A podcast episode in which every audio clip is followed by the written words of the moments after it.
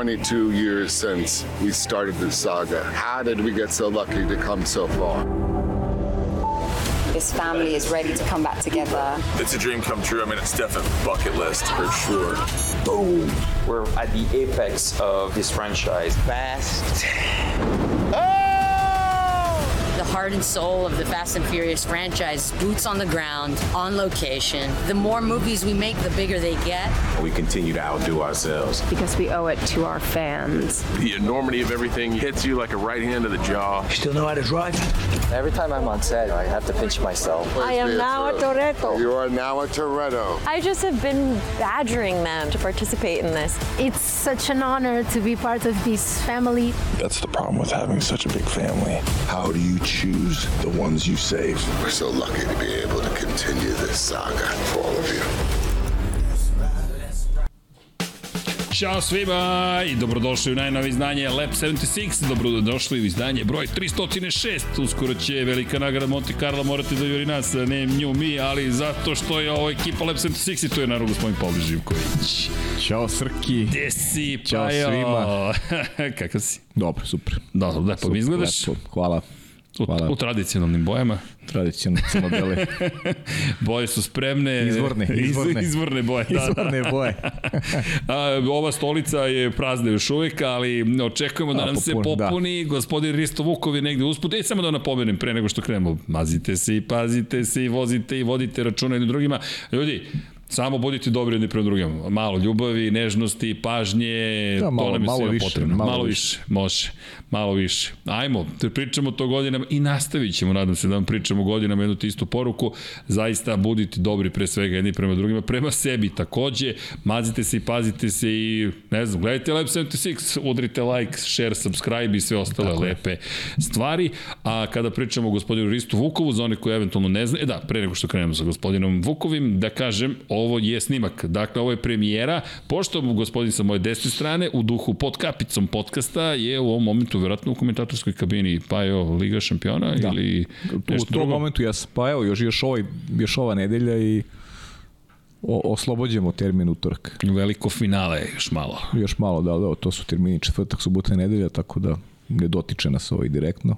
I, I vidjet ćemo, da smo pričali prošli put, da namestimo se... neki termin, a sve u skladu sa onim što vi pišete generalno, da, da vam ne odgovara taj termin početka od 22 u live-u, da više volite live, to je sve okej. Okay i onda ćemo se prilagoditi u zavisnosti od... I mi više volimo live. Pa da, da, ali, pogotovo... ali kapira, mi slažem se, 22 jeste malo, malo kasno, pogotovo kad je radni dan. Ne možemo, ne možemo da, da, da, da postignemo da, da svi zajedno u 22 i, i mi smo već pri kraju dana, počinje tonus da pada, mada nismo mi na malo noćne ptice, ali... Pa dobro, ali razumijem ljudi, znači, treba, mislim, treba ispoštovati ovaj...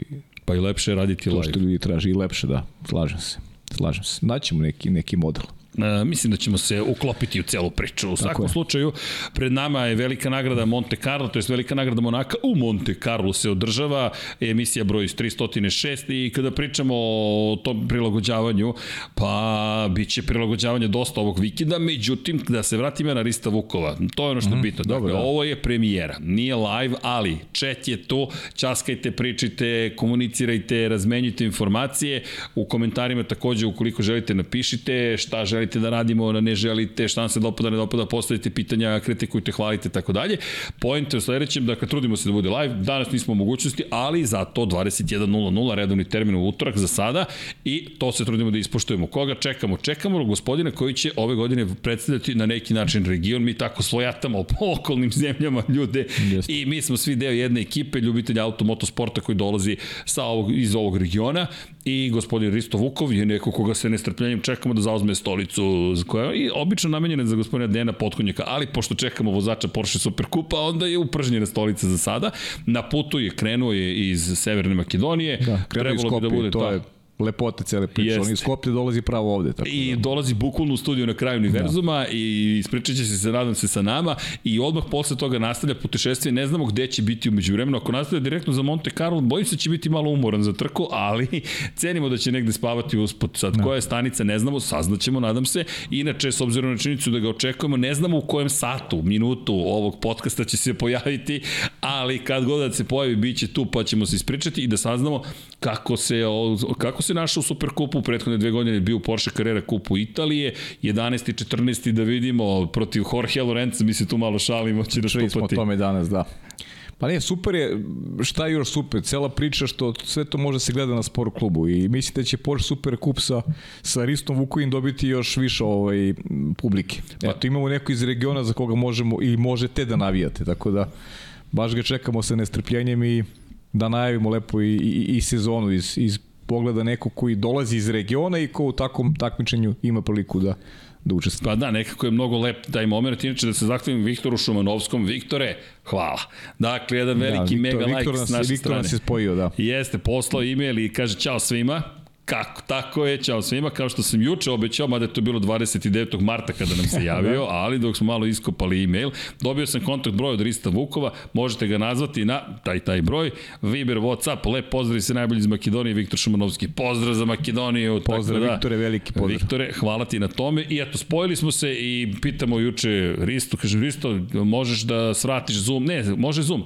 Kaže, mogu u Beograd. Ja kažem, čekaj, za, kaže, krećem za Monako sutra ujutro, prolazim kroz Beograd. Rekao ja, može stramputica. Fenomenalno. Kaže, može, stižem u studiju na kraju univerzuma, sedne malo da, nam, da se ispričamo i potom put nadam Monako. Se, nadam se da će piti ovde samo kad dođe Rist. Da, nadam malo se. nam je napeto, ali vidi, pa je u sigurnim je studio rukama. Nemam, nemam, to nemam dilemu. dakle, ne u da, sigurnim, u najsigurnijim. To ti kažem. Ali u svakom slučaju, kad god da stigne, dobrodošao je, mi krećemo dalje. On ide put Monaka, mi idemo put Monaka Monaka, pošto nas čeka nastavak šampionata sveta Formula 1. Neočekivanu pauzu smo, smo napravili, smo napravili, ali nismo pauzirali. Bili smo tu sa vama u nedelju da. i da se da ste se zabavili mi svakako. Pa ne znam, ja stvarno sam dobio mnogo ovih lepih poruka. Na, Jeste. I drago mi je što je tako, jer neko smo spontani smo bili.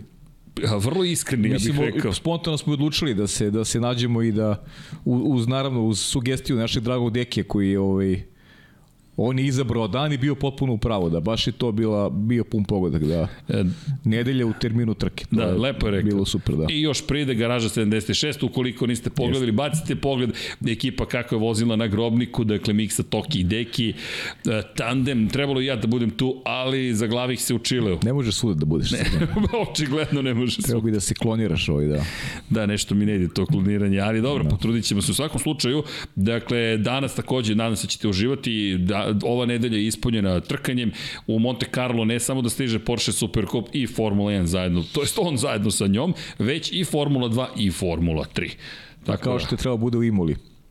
Tako je, petak, subota, nedelja ispunjeni, Pritom, nis, nisam vidio Porsche Super Cup, ali tome će, pričat ćemo sa Ristom posle ovaj. Da li to znači da će imati 7 trka u sezoni prepostavljam da će i njima biti skraćena sezona ili će se možda prebaciti na neku drugu odredište. Oni možda imaju i, i priliku da da se samo priključe ovaj, nekoj sledećoj, nekoj drugoj velikoj nagradi da je mogu da ispune pun fond trka. Eto, to je nešto što iskreno nisam ni proveravao i ne znam, ali ajte o tom potom kad dođe Risto Ako ne budemo ovde da znaš jedno jedno od pitanje, nemoj zaboraviti. Samo da zapamtim da li ima 7 trka ove sezone ili Da li ima 7 ili, da, da, to. Dobro. Pamtim Pajo, potrudit ću se okay. da potrudit ću se da to bude postavljeno pitanje. U svakom slučaju krećemo ljudi put Monaka, trebalo je Vija Imola, međutim Imola se nije desilo, mi želimo zaista da se ceo region brzo oporavi od onoga što se desilo. Videli ste i da će finansijsku pomoć pružiti i Formula 1 i druge kompanije koje dolaze iz sveta Formula 1. Mi se nadamo da ste vi dobro da sve ove poplove koje su prošli i ovim predelima, to je ovom regionu, koje srećom ove godine nisu bile toliko katastrofalne, ali nadamo se da niste previše pogođeni, da čuvajte se standardno i mazite i pazite, a kada je reč o Monaku, stižemo u Monako i ima tu se dosta priča. Dakle, velika nagrada Monaka sama po sebi. Zatim, propuštena prilika da se umili testiraju novi dijelovi. Ferrari i Lewis Hamilton. Čudi me da to nisi prvo rekao. A dobro, vidi, moramo da ispoštujemo profesionalizam, ipak da krenemo od onoga što jeste, što su, ne mogu kažem glavne priče, ali to je red. Je prosto idemo tim putem. Pazi, to ako se dogodi, ja ću lično da ovaj, pišem gde treba da se piše, da dobiješ ovaj, nagradu za, za vest, god, za ekskluziva godine ekskluziva godine u napred. Pa da, pa da u napred. U napred. u napred. Da. Možda, možda u tom trenutku niko nije znao, ovaj, ali Srki je Srk, Srki je ako ništa drugo propagirao ovaj, tu varijantu. Vidi, a, ako ništa drugo propagirao sam. Ali Toto Wolf kaže da ne zna ništa o tome, da Ferrari nije ponudio nikakav ugovor. Lewis Pa je on potpisuje ili Lewis Hamilton? Pa to ti kažem. Čisto pitam za prijatelja, zašto pitam bi, za druge. zašto bi Toto Wolff morao sve da zna? ne znam, je on menadžer Luisa Hamiltona? Poslednji put kad sam gledao, nije ja, Toto Wolff vodio je. njegovu karijeru. Tako da ne mora niko da podnese Toto Wolffu nikakav... Vidim ti se dopada on, tema, ali ja bih pokrenuo... Vidi, osmeh mi na licu, ne vidi, ne vidi, ali vuče, zar ne vuče malo vuče. tema, vidi, vuče, kako ne vuče. Znaš koliko poruka sam dobio? Isto, I ljudi, ovo je istina. Ja sam rekao istina, šta vam je? Različitih poruka ima. O, jeste, od onih koji poput mene sumnjaju to, pa ne da sumnjaju, nego idu u onaj ekstrem ne znam zašto ljudi pišu gluposti i, ovaj, i, i, te, ovaj, i te priče i od onih koji se raduju ovaj potencijalnom transferu. Cijelom konceptu da bi da. to moglo da se desi. Vidi, šta god da se dogodi, kako god da se dogodi, činjenice da smo mi u situaciji da pričamo sada o, o pa veoma ozbiljnim stvarima. No, da ne pobegnemo na tu stranu, vidi da, kako da. se kontrolišem. Jeste. Ima nastavak priče o Aston Martinu, Hondi, da li će se to Jeste, zaista Jeste. desiti, neće se desiti. I da ne zaboravimo zapravo ono zbog čega se i takmičimo. Ko će dosviti titulu šampiona sveta ove godine? To kao da je rešeno, kao da se podrazumuje da će Max Verstappen treći put za redom da bude prvak sveta. Nije da ne izgleda tako, ali hajde da idemo korak po korak. Pa je pred nama trka koju neki vole, neki manje, ali nekako emocije su uvek snažne kad je u pitanju Monako, kažu ulična staza. Nije ovo ulična staza. Ne znam da li ćeš se složiti sa mnom. Uz 500 milija Napolisa, 24 časa Lemana, smatra se draguljem u trostrukoj kroni automobilizma i ovo je Monako. Ovo nije ulična staza. Ovo je nešto Znaš potpuno kako, drugo. To, to je jedino mesto gde, gde kombinacija trkanje, glamura, meni ima smisla, jer to je nešto što, ovaj, to je prosto tradicija. Znaš, nešto što se ovaj, odomaćilo kada pričamo o Formuli 1, a pritom naveo si, kao što i postoji Grand Slam u tenisu, tako u automotosportu postoji Grand Slam, jedan od, jedan od ciljeva svih koji se bave automotosportom je da, da pobede u Monaku. Redki imaju tu vrstu privilegije i sada smo eto, u prilici da možda dočekamo nekog novog pobednika velike nagrade Monaka i uvek se radujem ovim vikendima i slažem se s tobom da ona jeste ovaj, ulična staza, ali ona je krem dela krem i Uh, pobednici su pobednici ispisuju istoriju. Da to je nešto posebno što pa, ti kažeš.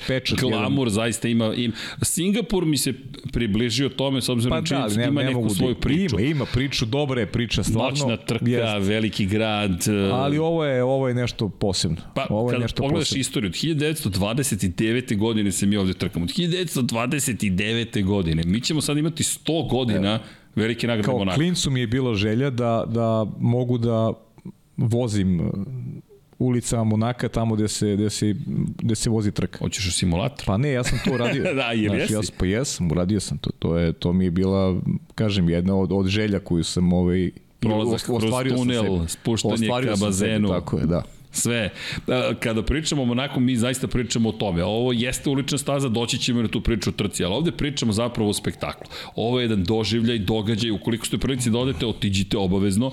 Dakle, to je jedna od lepših stvari koje može da se doživi. Sam grad po sebi je bajkovit, jeste to je Kneževina, jeste to je Poreski raj, jeste tamo što je hiper, super, turbo bogati, ali to je okej. Okay cijela ta priča zapravo stvara jedno, jednu scenu posebnu, jahte, super jahte, kao što si rekao, glamurozni momenti, imamo podnu pistu, često žurke, lepe događaje i naravno ljude koji stanuju u Monaku, koji sa svojih terasa posmatraju. Ali imali smo na sve to i fenomenalnih trka. Tako je. Koje pamtimo, što, što sa radošću pamtimo, možda prethodnih godina, možda i prethodnih godine kad se bereš, bilo je tu dosta ovaj, dosta uzbuđenja i mnogo trka u kojima osvojači pol pozicije nisu uspevali da, da to ovaj, iskoriste i da, da na kraju dođe do triumfa. Kao što je bio slučaj prošle godine. A recimo. Najsvežiji primer i naravno ima tu mnogo pitanja. Inače, kada pričamo o, o, o velikoj nagradi Monaka, ovo je zaista domaća staza za Charles Leclerc i Ferrari. Nećemo skočiti na temu Luisa Hamiltona,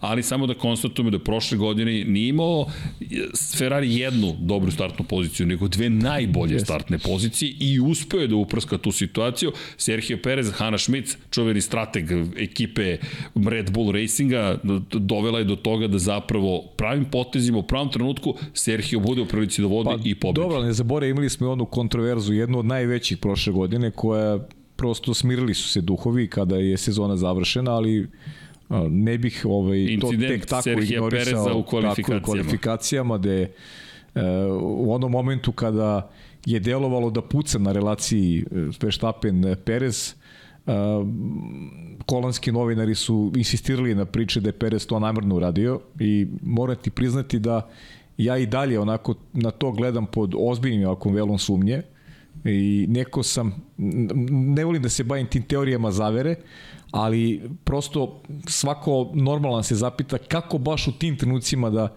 da je ta priča ispaljena u medije. I čini mi se da da ovaj da ima ima istine u tome. To je makar moj utisak.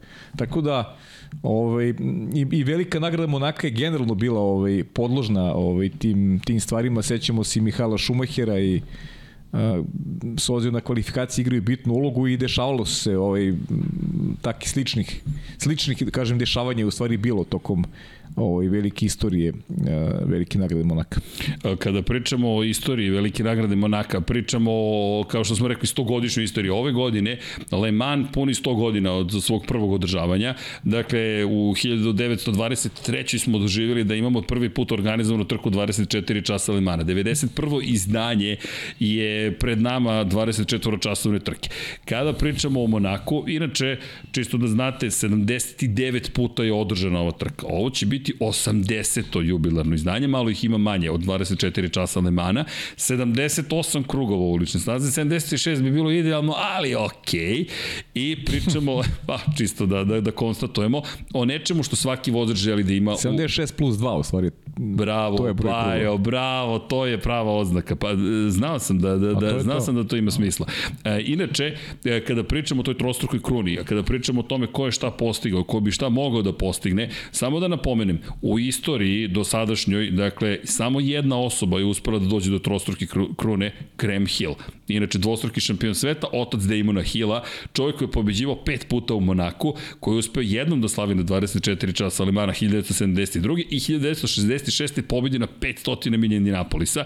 Dakle, 63. 4. 5. 8. i 9. je pobeđivao u Monaku i bio je šampion 62. i 68. I inače smatra se da je to sad potpuno savršen jedan uspeh kada imate još i titulu šampiona sveta. Ali, ko je uspevao da dođe do dve od tri i jedan od vozača koga ćemo vidjeti ove godine staze ima priliku možda da dođe do trostrukih kruni. Inače, Tacio Nuvolari, poznat Beograđanima i ljubiteljima Formule da. 1 kao pobednik velike nagrade Beograd Beograda 1939. Mm -hmm. 3. septembra 1939. održana trka, jedina trka održana tokom drugog svetskog rata. Maurice Trintignant koji je pobeđivao na 24 časa Alemana i u Monaku. Mike Hawthorne imao samo jednom priliku da, da, da, da zapravo on je osvajao titulu i bio pobednik 24 časa Alemana, ali da ga izignorišem za sekund. AJ Foyt, pazi ovo, čovjek koji je četiri puta slavio u Indiju i jednom pobedio na 24 časa Alemana. Bruce McLaren, Le Mans, Monaco, Monako, zatim Jochen Rindt, 24 časa Lemana, Monako i od tada prva osoba koja je skupila dva dragulja u kruni, Juan Pablo Montoya, 500 milja Indianapolisa i pobeda u Monaku 2003. Šta nedostaje? 24 časa Lemana. A mi imamo na stazi Fernanda Alonsa, koji je dva puta pobedio u Lemanu, 18. i 19. dok je pravio pauzu od Formule 1 i 6. i 7. je pobedio ovde a možda, ajde sada da ne bude da smo krenuli od Hamiltona, možda može i do treće pobede u Aston Martinu. Pa dobro, zašto misliš? ne, ali dobro, ne može do, znaš, baš te slušam. U Monaku. Znaš, mislio sam, znaš, gledam, rekao, da li moguće da neko može do hetrika? Ne, ne može, ovaj, pobiđao i ovde. Polako, Već je on je zaokružio ovaj, eto, dve, dve kultne staze. I može ovde, zašto ne? Mi rekli smo da su te neke ulične staze ovaj, opcija za, za Aston Martin da pobedi, jer su sporiji u tim, ajde da kažem, i odgovaraju mu stvari spori krivine, naravno kvalifikacije su bitan preduslovi i može ovo da bude onako prvi ozbiljniji test za Red Bull, definitivno. Da bude ozbiljniji test u smislu uh, borbe sa Ferrarijem, sa, sa Aston Martinom pre svega. Nisi siguran koliko može Mercedes na, na ovoj stazi ali Ferrari i McLaren uz dobre kvalifikacije mogu da naude mogu da navode Red Bullu možda prvi put ove sezone. Iako mi je strašno žao, to smo pričali u nedelju, što nije bilo imale upravo zbog testiranja novih delova, jer ne verujem da će ovde, eto Mercedes nije da će ovde iskoristiti da, da testira nove delove, ali ne verujem da će druge ekipe baš onako izabrati za tako nešto, bojim se da ćemo morati sačekamo u Barcelonu da, da vidimo da li se nešto menja ovaj, u toj dominaciji Red Bulla, da li neke ekipe mogu da zaprete malo ozbiljnije sad. Pazi sad ovo, ovu situaciju. Aston Martin, u ovom momentu je ekipa broj 2 u šampionatu sveta u konkurenciji konstruktora. 102 poena, 6 poena više od Mercedesa. Da, i 122 poena manje od Red Bull da. Racinga koji u svom filmu. Međutim, četiri dvostruke pobede za Red Bull Racing, tri pobede Maxa Verstappena, dva njegova druga mesta, još nije bio ispod druge pozicije u trci ove godine Max Verstappen. S druge strane Perez, dva je pobede, dva druga mesta, jedno peto, jednom u Australiji posle onih problema u kvalifikacijama i loših kvalifikacija generalno, tek peti. Fernando Alonso, četiri puta treći i jednom četvrti, 75 pojena ima Alonso, 105 per, uh, Perez i 119 Verstappen. I sada dolazimo na stazu na kojoj, za koju je u Majamiju rekao Vidjet ćemo u Monte Carlo, ukoliko povedem. I sad nešto mi je zanimljivo. Zamisli strategiju u kojoj na neki način Aston Martin dovede Alonsa na kakvim god gumama u situaciju da se nađe na poziciji ispred bilo koga. Pa ne, ne, ne može ga povediti tu niko. Ma, ali ja imam, ja imam drugi tip. Da. Ja tipujem jednog drugog vozača. Da, ovdje. čujem. Pa ja, ja igram, Lecler? na, igram na Leclera, da. Okej. Okay.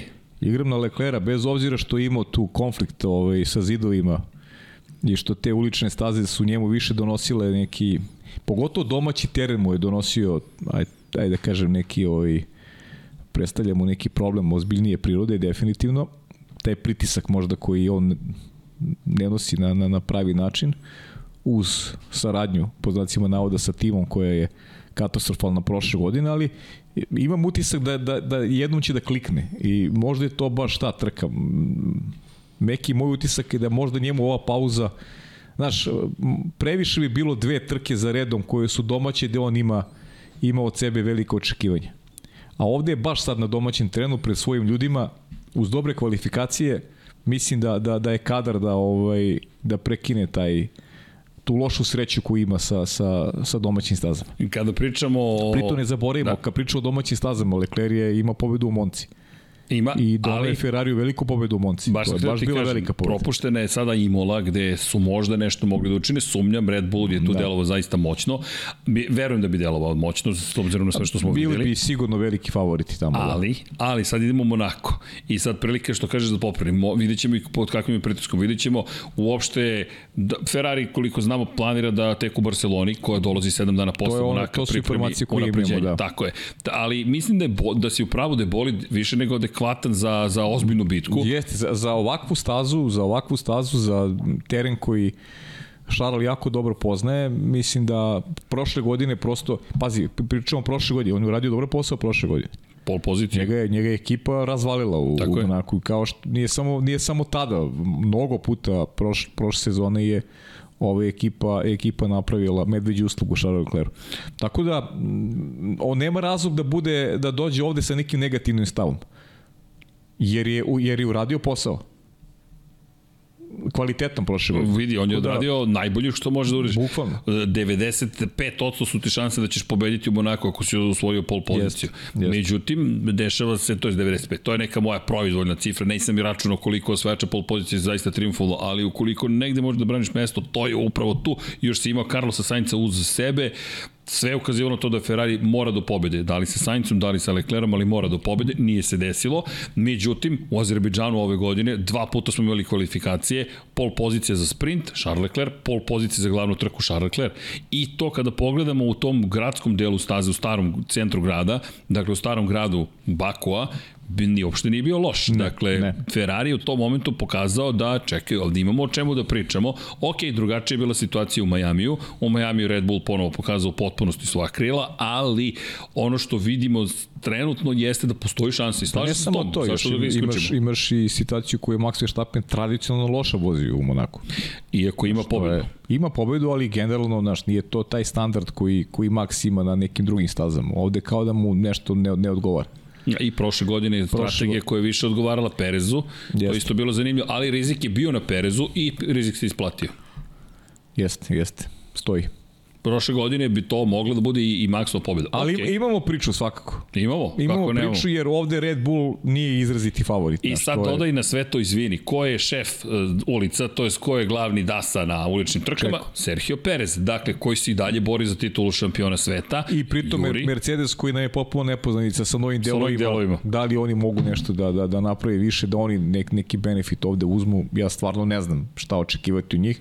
Zato mi je neki fokus na, na naravno Red Bull koji je neizostavno uvek prvi favorit, ali eto moj neki utisak je i ja najveću prednost recimo dajem eto Charles Leclercu za, za poticanje. A kada spomenješ Mercedes, ko je čovek koji ima najviše pobjeda od aktivnih vozača u Formuli 1 u Monaku? Sa tri triumfa, Lewis Hamilton, Jeste. tri pobede, moglo je tu da bude više, situacija s Nikom Rosbergom i tako će njegov stari klubski kolega ima tri pobede ovde, a od aktivnih vozača samo još jedan ima više od jednog triumfa ovde. Naravno, Fernando, Alonso. spomenuti Alonso. Sa dva triumfa, svi ostali po jednu pobedu od onih koji su pobeđivali. Pa dobro, znaš, bilo bi lepo i da se upiše neki novi. Što da ne? Ovi tu, tu vrstu, u tu istoriju, znaš, tako da, eto, Leclerc neka bude. Pazi, Charles Leclerc, to bi, bilo, to bi bilo potpuno fascin, ne fascinantno samo na nivou toga što je pobedio Ferrari je vozač, pa nego domaći vozač. Louis Chiron je jedini koji je pobeđivao za Monako ovde, tu u Bogatiju, van svetskog ja, šampionata. Ja moram ti priznam, ovaj, priznajem svima da ja i priželjkujem da on pobedi, e, ali znaš iz kog razloga, iz, iz, zarad njegove budućnosti, nekog samoupuzdanja, znaš, pobeda na, na tom mestu gde si odrastao, daje neku specifičnu težinu, znaš, i daje ti daje ti krila, ovaj, jako nije u Red Bullu, daje ali, Red Bull. ali, daje, ali ti daje krila, ovaj, daje ti krila u Ferrariju, Tako da bi mnogo to značilo za, znaš, za, za neku njegovu, za neku njegovu budućnost. A realno ne vidim da kolega ovaj može da dođe do pre svega kvalifikacijnog kruga dovoljno dobrog da da da on zapreti u toj borbi za za pobedu, zato tipujem negde na na Leclera.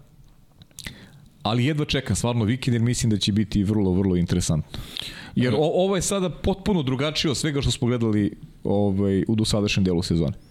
Ovo je staza koja može da nam ovaj, omogući malo više zabave. Ne mora a priori da Red Bull bude uh, takav izrazit favorit kao što je bio do sada. I kao što će možda biti u Barceloni. Pa pazi, ubacio si upravo domaćina. Dakle, Charles no. Leclerc je tu, sa Ferrari. Činjenice, Ferrari se ovde nije proslavio u poslednje vreme. Pre, Činjenica, ali... Pre šest godina je pobedio Sebastian Vettel u yes. Ferrariju, ali pre toga 16 godina su čekali na triumf u Ferrariju u Monaku. Michael Schumacher 2001. slavio, od onda ništa i sada opet poduži post, šest godina čekanja. Pa da, ali, ali kad pogledaš sad godinu unazad, bilo je tu pol pozicija, Leclerc imao bilo dve, je. pa nije, nije počeo trku jer imao, imao taj flert sa zidom. Pa ekipa nije prati, popravila bolid na vreme, gledala bolid, je pa samo je, desnu stranu, a pokvarena leva strana. Pa je ekipa prošle Nizam. godine opet loše reagovala u trci, tako da jako bitno za njih da su ti kvalifikaćeni krugovi godinama unazad dobri. Jer, jer ti tu stičeš prednost u stvari ovaj, za samu trku. I sad u sve to ubacujemo Fernanda Alonso sa Aston Martinom koji juri da, svoju 33. pobedu može, u karijeri. Može bez problema da bude. Pazi, 10 godina od poslednje pobede. Ili to ovaj, sugerišeš da je tvoj favorit Alonso? E, pa znaš šta?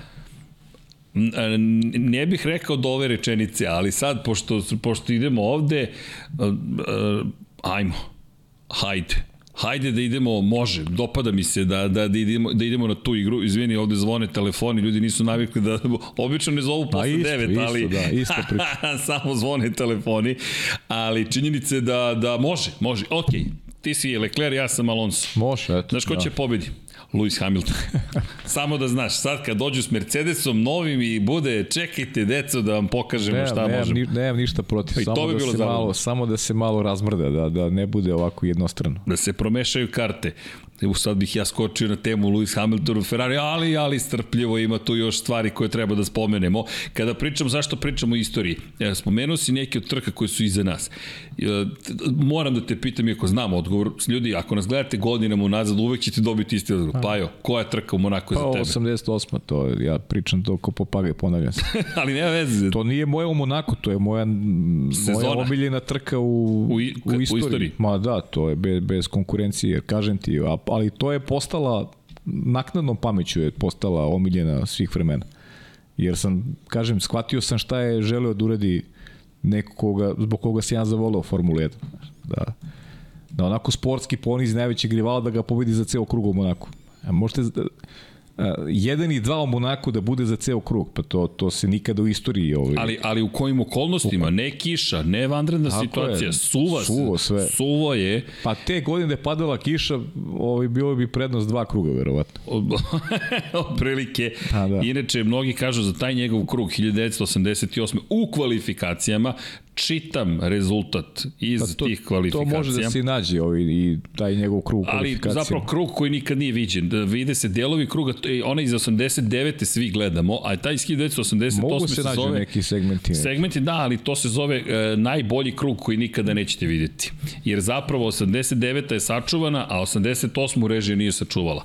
E, čitam prednost prednost 1,4 sekunde je imao prednosti u odnosu na Alana Prosta.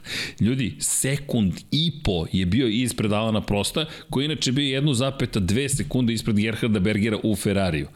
McLaren je bio u posebnoj dimenziji, ali je Sena tad rekao da je tada, koliko se dobro sećam, to se zove krug bogova, naj, bio najbliži bogu, da je jednostavno ušao u neko stanje gde stvari same od sebe funkcionišu, gde jednostavno nije više stvarnost. Pa da, ima neki, neki film, ja sam gledao i film, mislim film. Ima dok, polu da, dokumentarac da, zapravo. Da, se, gde postoje ti fragmenti ovo iz Ej, ali kroz njegovu kruga, priču da. pre svega, šta on govori i kako opisuje svoje stanje duha, ali to je, ali to se nastavilo zapravo u trci, gde je čuveni crveno-beli McLaren, žuta kaciga, prepoznatljiva Honda, godina dominacije od 16 trka, 15 pobjeda između njih dvojice. Imao je 52-3 sekunde prednosti u momentu išao kada je imao incident. Da. Išao i rekao, on prosto ko je pobedio na kraju, Ayrton je želeo da me ponizi. Ali samo je pokazao da je i on čovek. I to je ta čuven, čuveni trenutak kada svi reaguju, ko trka je gotova. Trka je gotova, to je to, to je kraj. I on se spušta dole ka portijevu i udara u zid, izlazi, preskača odbojnu ogradu i kaže i ništa, to je to. To je to. On je, on je, on je bio u avionu za Brazil kada je prošao, prošao pored mesta gde je bio incident. Pa, ok, sad si mi zbunio, rekao, izvučiš da... ok, pa je u svom duhu, ok, mene poslao si u Brazil po burik. Ali dobro. Inače, to je bila treća trka sezone i to uopšte da. najvan moment u, u toj sezoni. E, prvo je u Brazilu bio diskvalifikovan, dakle, Sena. Pobjeda u prvoj trci je pripala Alanu Prostu, u drugoj trci u San Marinu, pobjeda za Senu Druga pozicija za Alana Prosta dolaze u Monako, dakle Seni je preko potrebno da osvoji poene. Dakle, ovde ne pričamo samo mi smo izjednačeni u šampionatu Egals. Ne, ne, ne, ne, ne. On mora da završi tu trku. Šta on radi? Pa, do kraja. Pa da pokaže ko je veliki šef. do kraja, bukvalno. Ko je, ko je najbolji. Ali kažem ti, to tad nisam mogao da osvestim u tom momentu. Naš klinac sam bio, ali i ne znam, možda sam i suzu pustio zato što nije pobedio, ali kasnije, znaš, s godinama, sam, ovaj, sam shvatio ovaj, veličinu ovaj, tog trkanja i, i, i momenta gde on, gde on ovaj, želi da, da aj što kaže, prosti ponizi, ali ali prosti da pokaže koliko je, koliko je on dominantan u odnosu na, na, na sve ostale. Znaš, te, pa, možete zamisliti sada rivalstvo, ne znam, uh, Hamilton Verstappen da, da voze isti bolid i da jedan od njih dvojica ima prednost na jednoj trci preko 50 sekundi da vozi iste bolide. I da kaže idem do kraja. I da kaže idem do kraja. Jedan od njih dvojice da gura da hoće da poveća tu prednost. A ekipa mu to govori, je... uspori, uspori, samo završi trku, Ayrton koji to su u tom momentu dva najveća vozača, dva najveća rivala ovaj, tog perioda. I jedan ide preko 50 i kucur sekundi, mislim, to je nestvarno, stvarno nestvarno. Pri čemu, u celoj toj situaciji, to je prva godina takmičenja u McLarenu, to je treća trka u McLarenu za, za, za Ayrtona Senna. On je stigao iz Lotusa, pobedio je prethodne godine u Monaku, ali on dolazi iz Lotusa u u McLaren 1988. Treća trka u toj ekipi, u prvoj trci si bio diskvalifikovan, gubiš u šampionatu, potrebni su ti poeni, ekipa ti govori u spori, odvezao si krug bogova dan ranije i ti kažeš, ti se ni ne oglašavaš na radiju, ti voziš svoju bitku i... Možda je, možda je pokojnoj sceni u glavi bila ona, ona trka kad je koja je prekinuta. 84. 84. kada je vozio u Lotusu, ono po kiši. Kada Jeste, kada je... Po kada bi pobedio da nije, da nije prekinuta. I to je bila jedna od njegovih Čak, o, jedna, mislim, jedna od njegovih specijala. To, to je čak bilo u Tolemanu. To je čak e, Toleman. u Tolemanu, bravo, ne u Lotusu, Toleman, Toleman, to je čak pre Lotusa. To je Toleman. Pa znaš kako, Toleman ja, Hartu. ja njega, iskreno ti kažem, ja, ja, njega, ja njega ovako doživljam, kada pričam Monako, on mi je, on je, on je kralj Monaka. Meni su dve asocijacije. On je kralj Monaka. Ayrton Senna, Graham Hill. Inače, Graham Hill i Michael Schumacher imaju po pet pobjeda ali fascinantno, Schumacher je došao do te pete 2001. Šest ih je ostvario Ayrton Senna u, u, u svojoj karijeri. Inače, da je zabeležio pobedu 88. istorija će kasnije to pokazati, imao bi sedam pobeda za redom.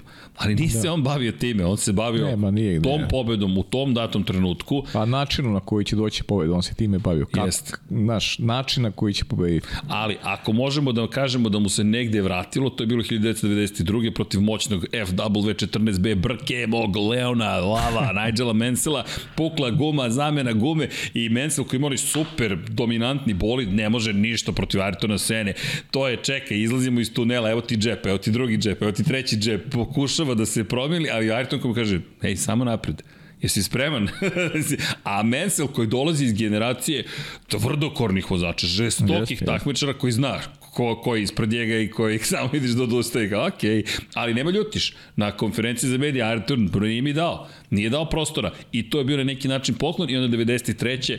Nažalost, poslednja trka u Monaku koju je vozio, opet mu je pripala, opet priča o McLaren Fordu i tako dalje. Šest pobjeda, najuspešniji vozač svih vremena u Monaku. I dan danas. A evo pogledaj, aktualni vozači poput Luisa Hamiltona, tri pobede, Fernando Alonso dve pobede, ko je naj, najbliži bio Hillu i Schumacheru, Alan Prost sa četiri. Pa to ti govori o tome koliko ovaj, je ta staza, Nemoguće. koliko da deluje da je jednostavna, nepredvi, u isto vreme i nepredvidiva. Znaš, da moment e, izlaska sigurnosnog vozila, tajming odlaska u pit lane, mislim, mnogo faktora tu igra, igra ulogu.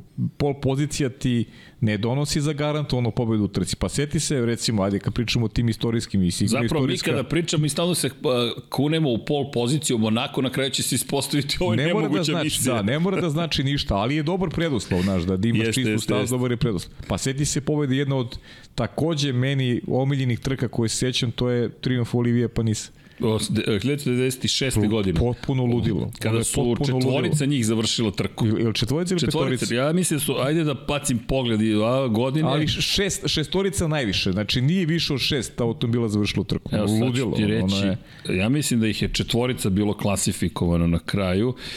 E, trojica su završila trku, ali su da. četvorica klasifikovana, dodeljeni su poeni, ali Olivije Panis je pobedio, David Coulthard je bio drugi, inače u Ližijevu, Ližije Mugen Honda za Panisa. Da, Panis inače, inače sad sam prošle nedelje sa komentarisa ovaj GT World. E, tamo je sa Rosijem. Sidmo vozi, Sidmo vozi. Sidmo vozi. Sidmo vozi, o, da. lepo, lepo. Sidmo vozi, da. Lepo, David Coulthard pozicija 2, Johnny Herbert uz Albert Fordu bio treći. Ko nije završio trku, a klasifikovan, Heinz Harald Frenzen uz Albert Fordu zaustavio se u garaži krug pre kraja. Dakle, Mika Salo i Mika Hakinen u Tirelija i Yamahi, Tirelija Yamaha ko je to zaboravio i McLaren Mercedesu na petoj, šestoj poziciji. Sedmi je bio Eddie Irvine, on, ne, sedam ih je klasifikovano, bravo, pa je upravo si, sedam klasifikovanih pa da, da, šest, i ostali sedam, da. su odustali. Dakle, ali to, znam da je neki mali broj trojica prošla kroz cilj, sedam klasifikovanih, zaključno sa Eddie Irvineom u Ferrari. Luda trka. A inače, trka je počela tako što je sa pol pozicije zapravo u celoj toj priči krenuo čovek od koga se očekivalo da to sada dovede do triumfa. Michael Schumacher u pa, da. Ferrariju, da pola sekunde prednosti imao. To je inače njegova prva sezona u Ferrariju. Pola sekunde prednosti u odnosu na Damona Hilla u moćnom Williams Renault. Žana Lez i Gerhard Berger u Benetton Renaultima su pola sekunde 70 iza Šumija.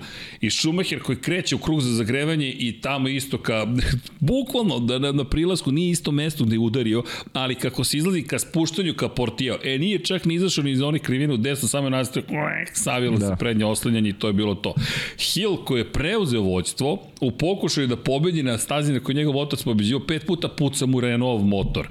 Potpuni haos, dakle, odustajanje svih mogućih favorita. Da, čak i, sad si je postio Mika Salo, ovaj, to, Mika to, kad Salo. kad, kad čuje Mika Salo, uvek se smejemo, dođe ovaj drugara Milana koji je bio malo deblji, zvali da. smo ga Mika Salo.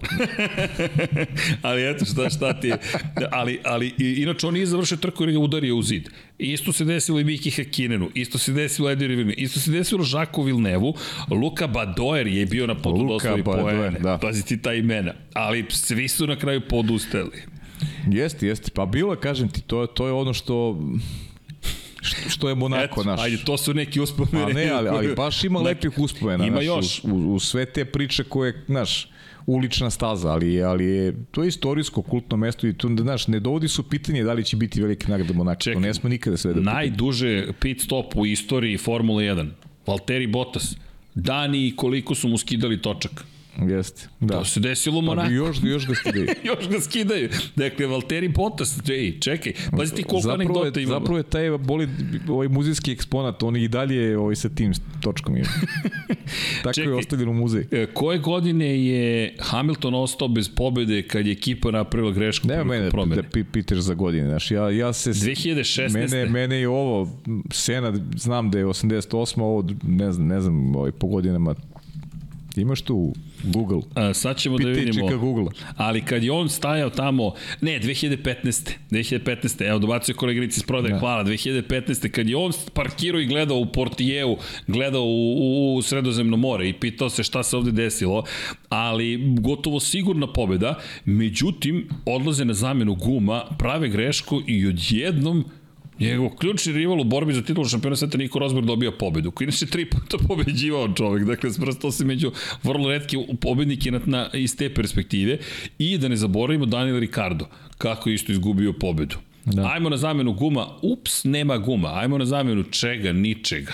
I to Red Bull Racing i to onako stoji, čeka, i trče kao da su, imaš... ako smem da kažem, iz Ferrarija.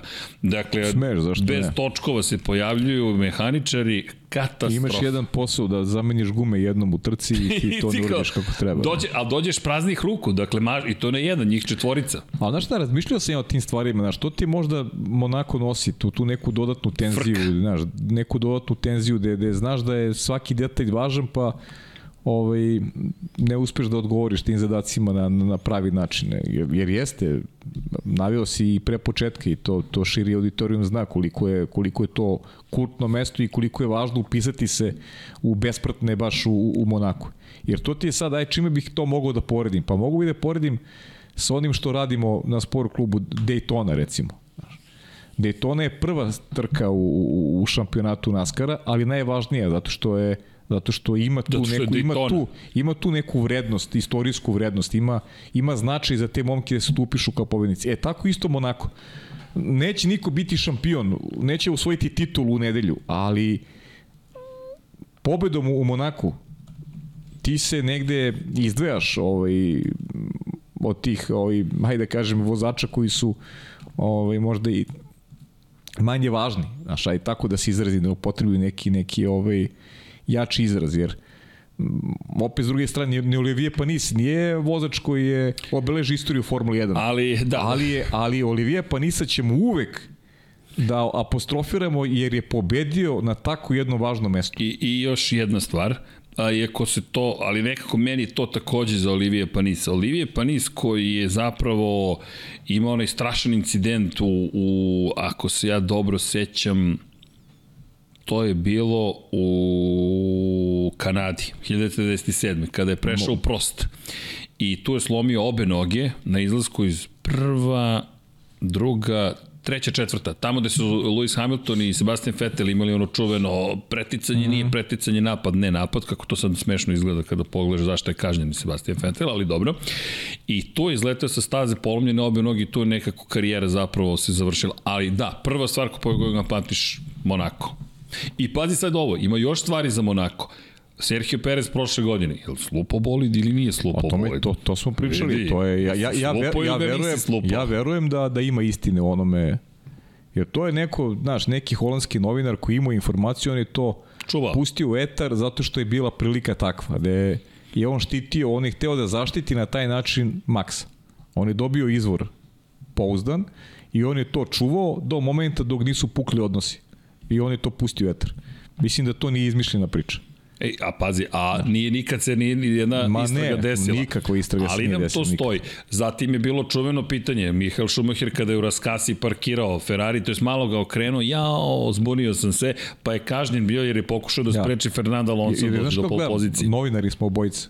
Nismo jednom od nekog izvora dobili informaciju, ali mol, nemoj nikome da kažeš. Znaš, E sad. e sad, nikad nisam bio u poziciji da kad mi neko, nemoj nikome da kažeš, ja, ja sam takav, prosto takav sam čovjek. Vidi, to je nezvanična ja, informacija. Po, da, po, ja ne idem, ja, ja ne puštam u etar ako me neko zamr, nemoj da kažeš. Pa izvini, okay. po etici ne bi ni smeo da kažeš, Tako je. ti neko dao nezvaničnu Tako informaciju. Je. Ali ne verujem da je to izmišljeno. Ja, ja verujem da je njemu neko to Ostaje rekao pitanje večno. i on je samo to pustio jer je situacija bila takva, jer se vodila polemika da li je Maxo potez dobar ili nije. Ajmo sad da udarimo na čoveka na, na, na, na čeka. Znaš, Koliko na čoveka na, na, na čeka. Na čoveka čeka, opa, da. udarimo na čoveka da. čeka. Zvuči kao da sam to možda ovaj poet, kao da sam poetski ovaj raspoložen, ali ne. živi jedan umetnik poeta, zapravo. Poeta, da, poeta. Ti si bard. Bojem. Da. Bojem, pa jo. Bard. Ali, a kada spominjamo Monako, iza mene... Bard je, foto... po, Bard je pokojni. Živa. Živa Bard. Iza mene fotografija Andreja Isakovića iz Monaka. Kolika je fascinacija Monakom? Inače možete kupiti ove fotografije, pri, pri, prihodi, to je profit ide u dobrotvorne svrhe, tako da znate, pa ko želi neka poseti naš website, ovo su umetničke fotografije. Uramljene su, antiglare staklo je stavljeno na njih i ne samo što su prelepe, već su deo istorije, bile su na našoj izložbi Paralele koju su organizovali Andrej Saković, koju su organizovali Miloš Cvetković, podačnik kao Cvele i naravno Deki Potkonjak, to je sve u organizaciji bilo Infinity Lighthouse-a i Lab 76 to je njihova ideja, njihova umetnička dela, mi smo tu bili podrška, kačili smo fotografije, u svakom slučaju možete ih kupiti, nismo ih sve prodali, ali želimo da ih prodamo i profit, kao što smo rekli, do dobrotvorne svrhe, to je bila njihova odluka. Ovo je inače fotografija Sebastijana Fetela u Ferrariju, pa eto, ko želi neka poseti website, ima šta da nađe, ima šta mogućnosti da kupi. U svakom slučaju, tolika je fascinacija Monakom da fotografi odlaze tamo zato što ne mogu nigde drugde da dobiju te kadrove koje mogu da dobiju u Monaku. I to su te scene koje mi se sa nestrpljenjem čekamo. I između ostalog, setite se Kimira i Konena kada je završio trku u McLarenu, preskočio odbojnu ogradu i naišao na jednu jahticu i rekao odoh ja da gledam trku sa strane. To vam je Monako. To vam je fenomenalni Monako i Andrej Saković koji je doveo do zatvaranja jedne fotografske pozicije, pošto je fotografisao neki od gostiju hotela koji su se na terasi sunčali recimo manje, oskudnije odeveni da ne kažem odevene. Tako da, ali pozdrav za našeg drago Andreja i tu fotografiju smo prodali, niko nije bio obnažen u potpunosti, samo je bila specifična fotografija. Ali to ste sve mogli da vidite na našoj izložbi, a ko zna gde će u gradu ponovo nekom biti izložba sa onim fotografijama koje su nam još uvijek na raspolaganju. Pratite ovaj kanal, udarite subscribe, like i sve ostalo i saznaćete šta još planiramo. U svakom slučaju, Monako, taj predivni Monako, jedva čekamo. Jeste. Baš jedva čekam, moram ti priznam. Za neke od ljudi jedna od omiljenih staza. Inače, probajte, ja ću kasnije da vozim malo Monakom. Ako uspem da odvezem krug, držite mi palčeve, proći ćemo Imolu jednom. Uspeli smo da povežemo i, i, i, i Ate Mini i Sony. Desilo se zapravo da nam je jedan Ate Mini malo tako stradao izgleda, ali to vam je od eksploatacije. Samim tim, shop.infinitylighthouse.com, pored toga, patreon.com kroz Infinity Lighthouse. Podržite nas, znači nam vaša podrška, zaista, ne da nam znači, mnogo nam znači, tako da, molimo za podršku, a evo, ko želi, inače smem da otkrivam neke informacije, ovo nije po, po, poverljiva i privatna informacija, 7200 dinara koštaju rezultati svih trka u istoriji Formule 1, izdanje koje je podržao Rolex, Jacques Deschenaux je autor, inače nema ISBN, pa zapravo magazin se smatra da je u pitanju, ali poslali smo, neću da kažem kome, čemu, zašto, jer to ne smemo da otkrivamo, ali mogu da vam kažem da je iz Milton Keynesa jedna osoba, i ne sa ovih prostora, toliko smem da kažem, zapravo kupila dve knjige. Dve knjige su kupljene i poslate su jel te, za Milton Keynes. Za one koji ne znaju gde je i šta je Milton Keynes, raspitajte se, ali recimo da tamo žive brojni inženjeri raznih ekipa, a sticujem okolnosti i sedište Red Bull Racinga. Tako da držimo palčeve da je neko iz Red Bull Racinga kupio i rekao čekaj ja kupujem u Infinity Lighthouse jer je to izvor globalni svega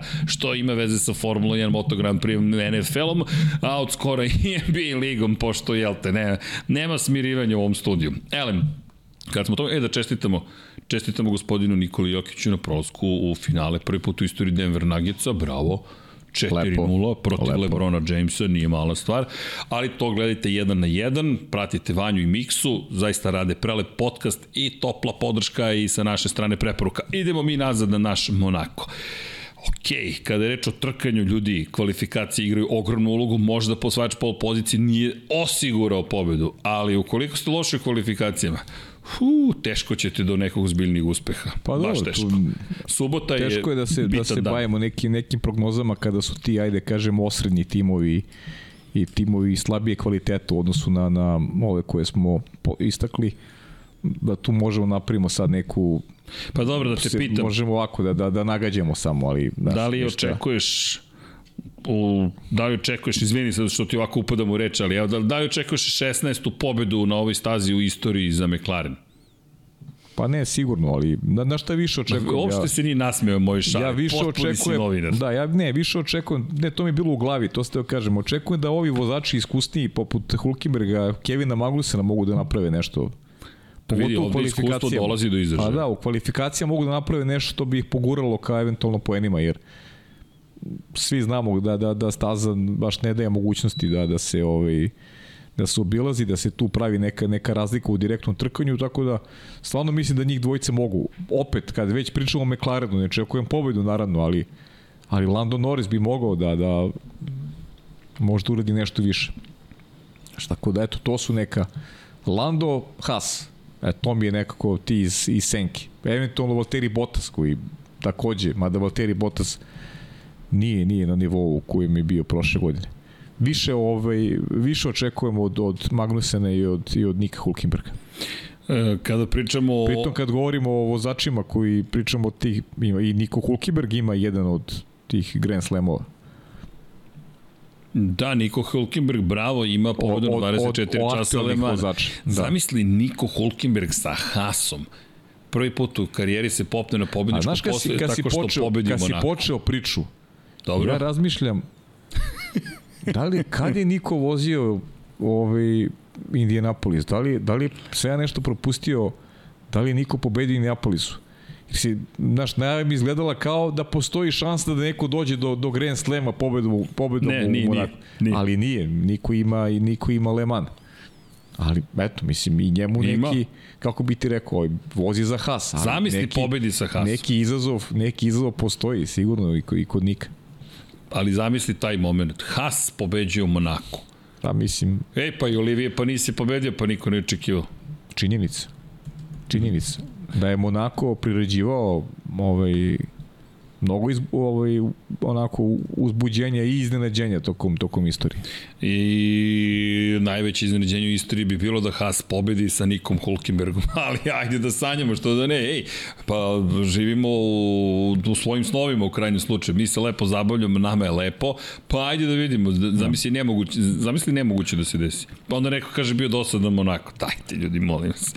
Da. Naravno, ne kažemo da će se to desiti, ali zašto da ne. Inače, ovde očekivati biti, zna, znaš ko će biti pod ogromnim pritiskom? Nick De Vries. Mislim da će Nick De Vries, ako pričamo o pritiscima, biti pod ogromnim pritiskom, je inače izložen ogromnom pritisku, a sad dolaziš u Monako, imaš situaciju u kojoj bi trebalo da sačuvaš svoje sedište nekako u ekipi Alfa Taurija, a dolaziš na jednu taza koja je baš ozbiljan test, gde svaka greška se instant plaća. Jeste, pa mislim da bi greška verovatno i zapečatila sudbinu. Znamo da je Ricardo dao otisak i da se sve više priča o njegovom ovaj, uskakanju, po znacima navoda, u ekipu Alfa Taurija, tako da Nik nema pravo na grešku, to se slažem. Možda je preuranjeno, ali opet znamo za tu poslanu politiku ovaj, Red Bulla i dalje Alfa Tauri pod patronatom nije nemoguće da se tako nešto desi, mada ne vidim, znaš, dugoročno šta Red Bull dobija time što što ovaj, daje Ricardu šansu, znaš, umesto nikad Pazi, spomenju se, a Jumu i Vasa se spomenje i Liam Lawson. Mada Liam Lawson u super formuli u Japanu ide ka tituli, a Jumu i Vasa još mora da se dokazuje pa, u Formuli 2. Pa znam, ali Liam Lawson, misli super formula, verujem da bi batalio na keca kad bi mu rekli da može da vozi u Formuli 1, znaš, tako da. Ne, ne, on da, nego samo šta želi ekipa od njega. Šta želi ekipa, tako je, pa to je, znaš, to je pitanje. Šta ti je, šta ti je neka dugoročna ovaj, percepcija, šta želiš? I šta želiš generalno sada da ti Niko De Vries uzmeš sedišta, a daš Ricardo. Znaš, I da li šta, Ricardo šta ti, želi da bude u tom sedištu? Tako je, šta, ti, šta dobijaš ti sa tim?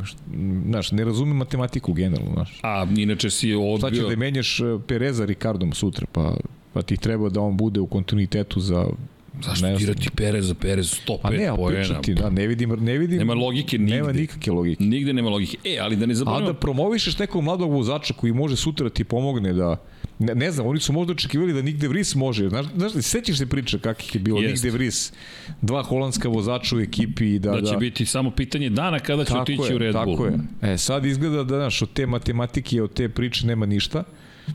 Ali ne vidim, ne vidim neku, neku logiku zaista sa, sa Ricardom. Ali ajte, vidjet ćemo šta će biti. Inače... Za pritisak se slažem za Nika ja, Ja tu samo pravu, mislim da. da će on biti... Jer vidi, ti ako pustiš malo gas u Monaku, ti si na začelju. Dakle, nemaš rezultat, a treba ti rezultat. A ako si samo blaže agresivni, seti se Mika Šumacher pa prošle godine prepolovljen bolid. štetu i I? Samo guraš ovaj sebe u ambis. I iz te perspektive baš teška trka, a u Barcelonu stižemo Tako kasnije je, tako je. i Barcelona će biti prilika za neko agresivnije trkanje. Jeste. Ovo je sada, ali ovo je baš pravi test, test umeća. I kada pričamo o testu umeća, samo ne bih da, da preskočimo tek tako. Lewis Hamilton, čekamo Mercedes da vidimo šta može da, da mu pruži.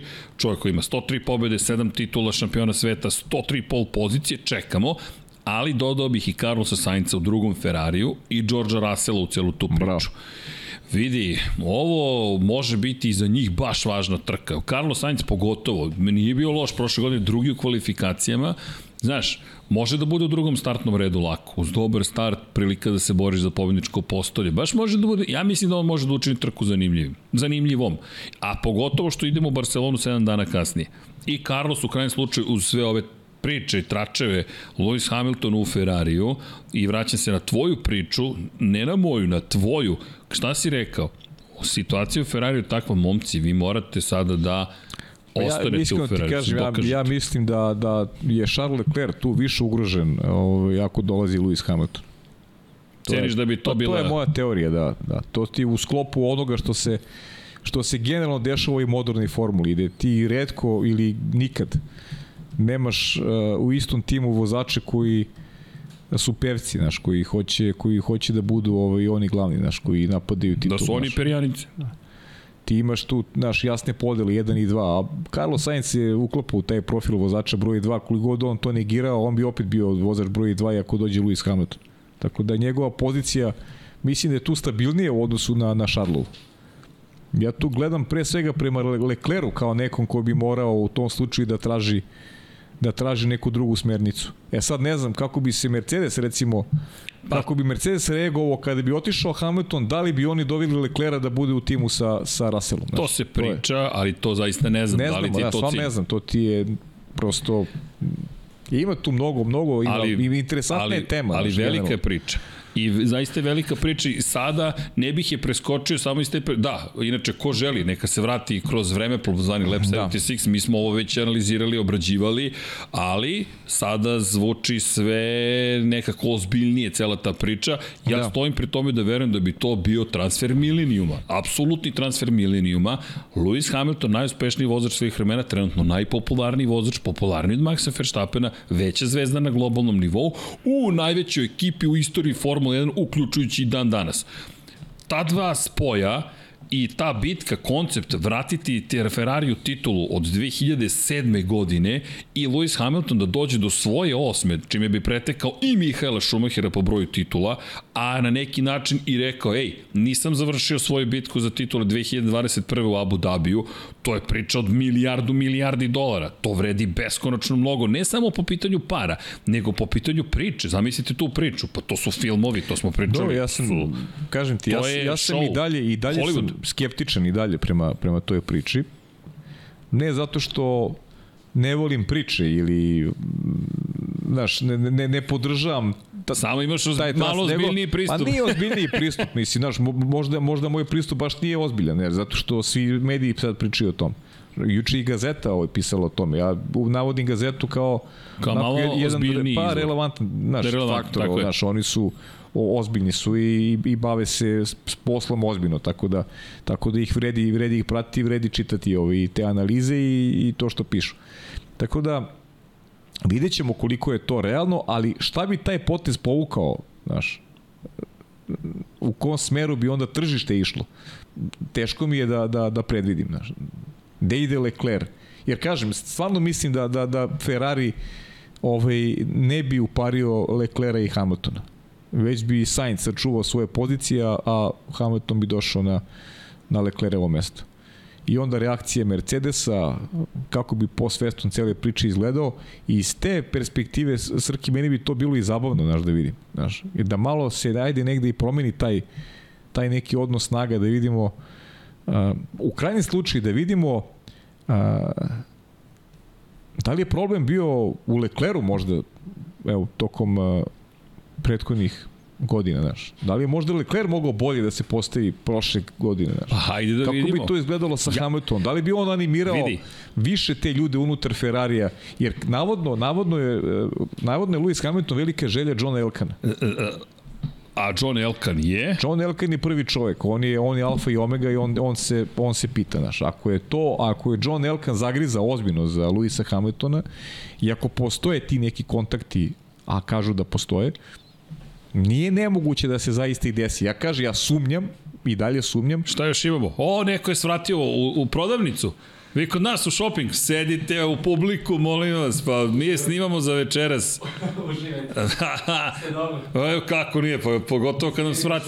Vi ne prekidate, vi ste okay. deo ekipe, ne možete vi da prekidate nikako. Samo ne zaboravite večeras like. Šalim se, naravno. Prijatelja koji vas non prate, ludi su za vašim Puno pozdravite prijatelji. Evo sad ću da vam snimim poruku pa da pozdravite. Da... Po, evo, možemo poruka, ovo ide u podcast. Kako se zovu prijatelji? Evo ovako. Recite pozdrav za Dženana veliki. Pozdrav za Dženana, pozdrav za pozdrav, Dženana, Dženane, Dženane, pozdrav, evo, Dženane, uživaj. Ekipe Lab 76. Tako da, evo, svako dobro, uživajte u danu.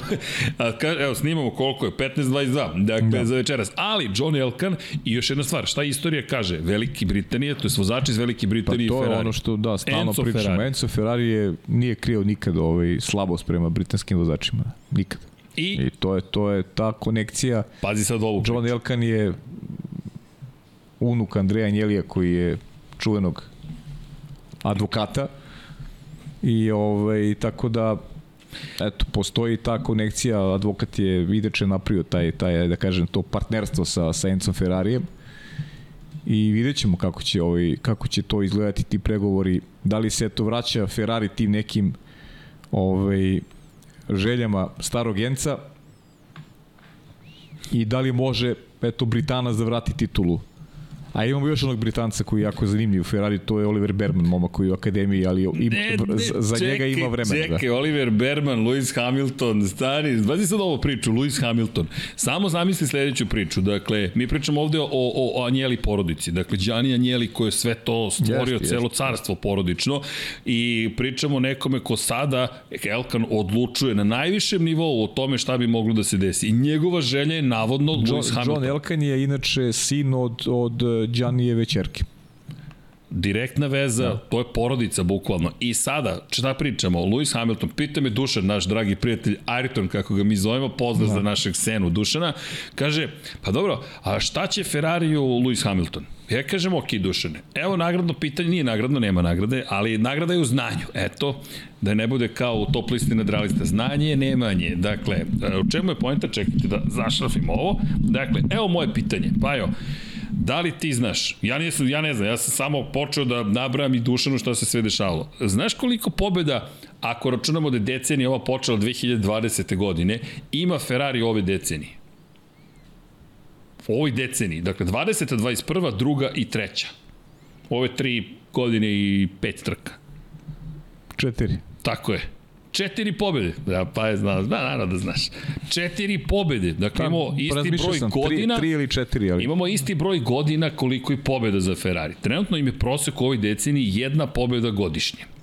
Da li znaš koliko pobjeda u prethodnoj deceniji računamo 2010. Alonso Massa, Alonso Massa, Alonso Massa, Alonso Raikkonen, Raikkonen Vettel, Raikkonen Vettel, Raikkonen Vettel, Raikkonen Vettel, Leclerc Vettel imaju pobjeda. Pa da, ali znaš šta, ok, to ti je, znaš šta sam želao da dodam, samo da ne da. zaboravim. Ferrari opet je imao, ima ovaj, ume da maskira stvarnost, znaš.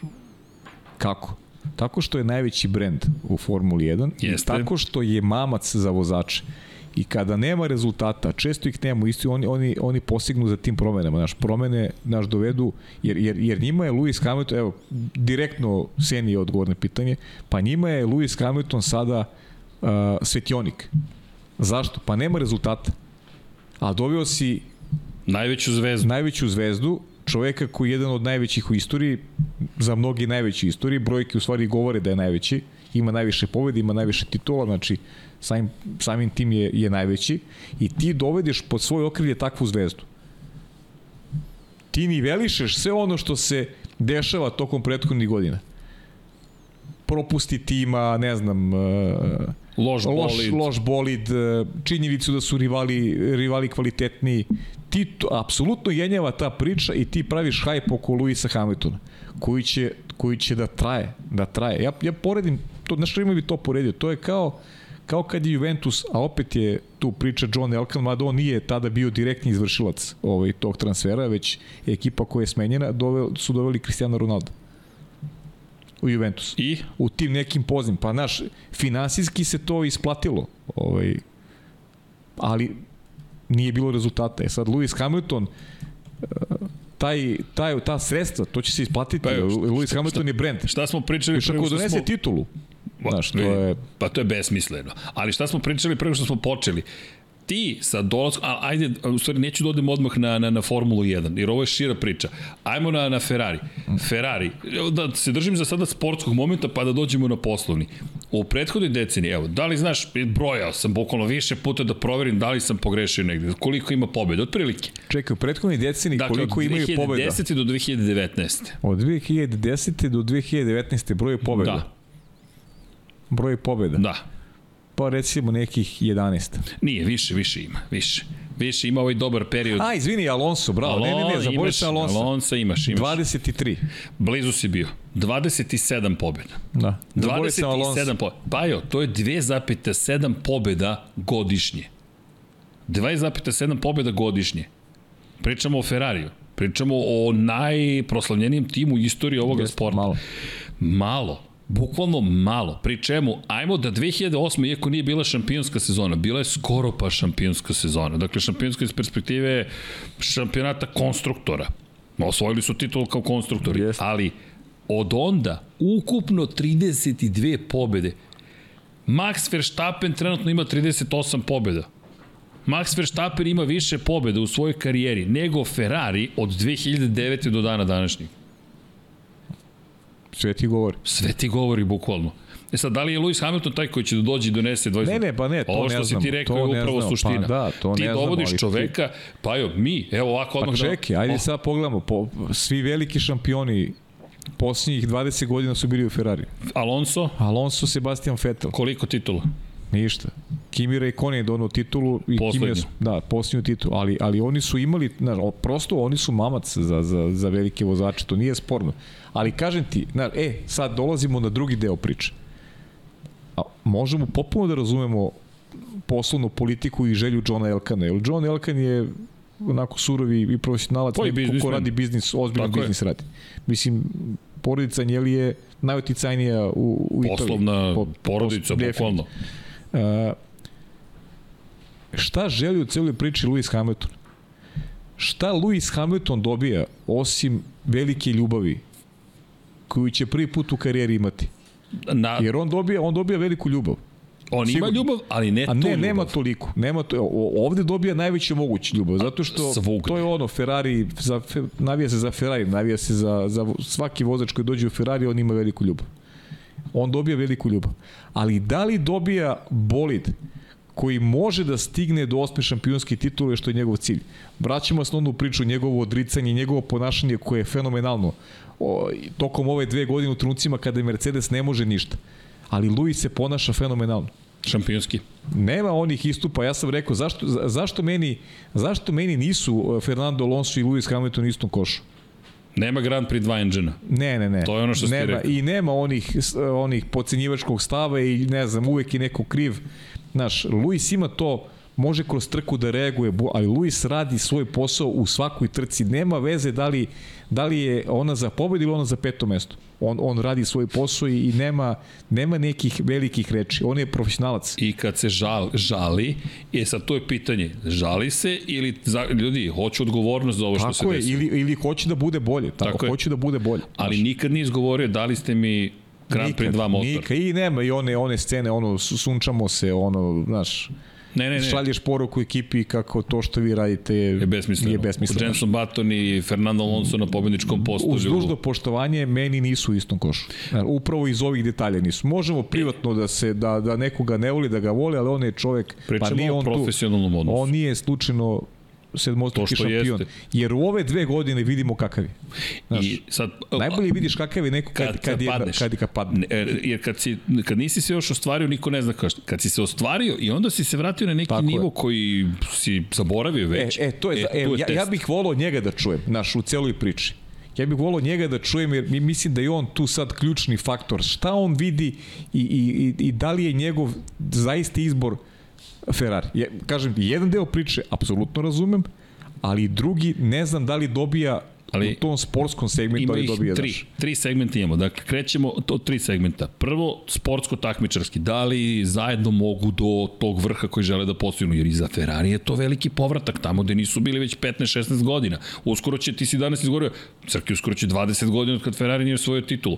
Yes. Druga stvar, emotivno. To sam zaboravio, a to nije mala stvar, to je ogromna stvar. Šta dobio Sebastian Vettel kada došao u Ferrari?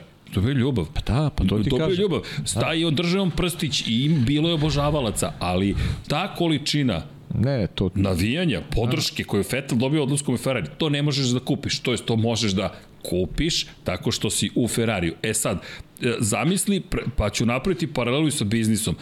Odlaziš u Veliku Britaniju, odlaziš u Silverstone Tamo te već obožavaju. Ali da misli ti sad crveni Silverstone. To sam i prošlog puta pričao kada smo o tome teoretisali. Ali, sad odlaziš u Moncu. Monca je uz tebe. Imola je uz tebe. Ko, e, Miami, U Majamiju je najpopularniji vozač Lewis Hamilton. Sad zamislite Miami i žurke Ferrarijeve u Majamiju. Las Vegas. Hoćemo da pričamo o tome ako New York uđe u celu priču. A to sad izdvajam neke elemente. Singapur, Ferrari, samo zamislite i prodaju Ferrari u krajnjem slučaju. E, sada imamo model koji se zove Hamilton.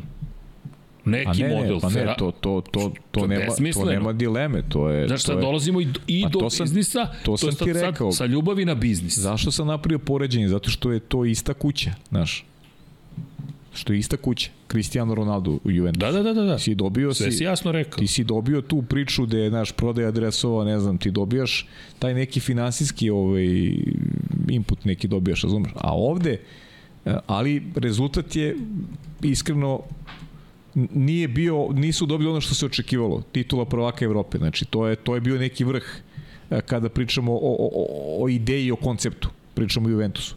Sad ovde, opet, Lewis Hamilton je još veća robna marka.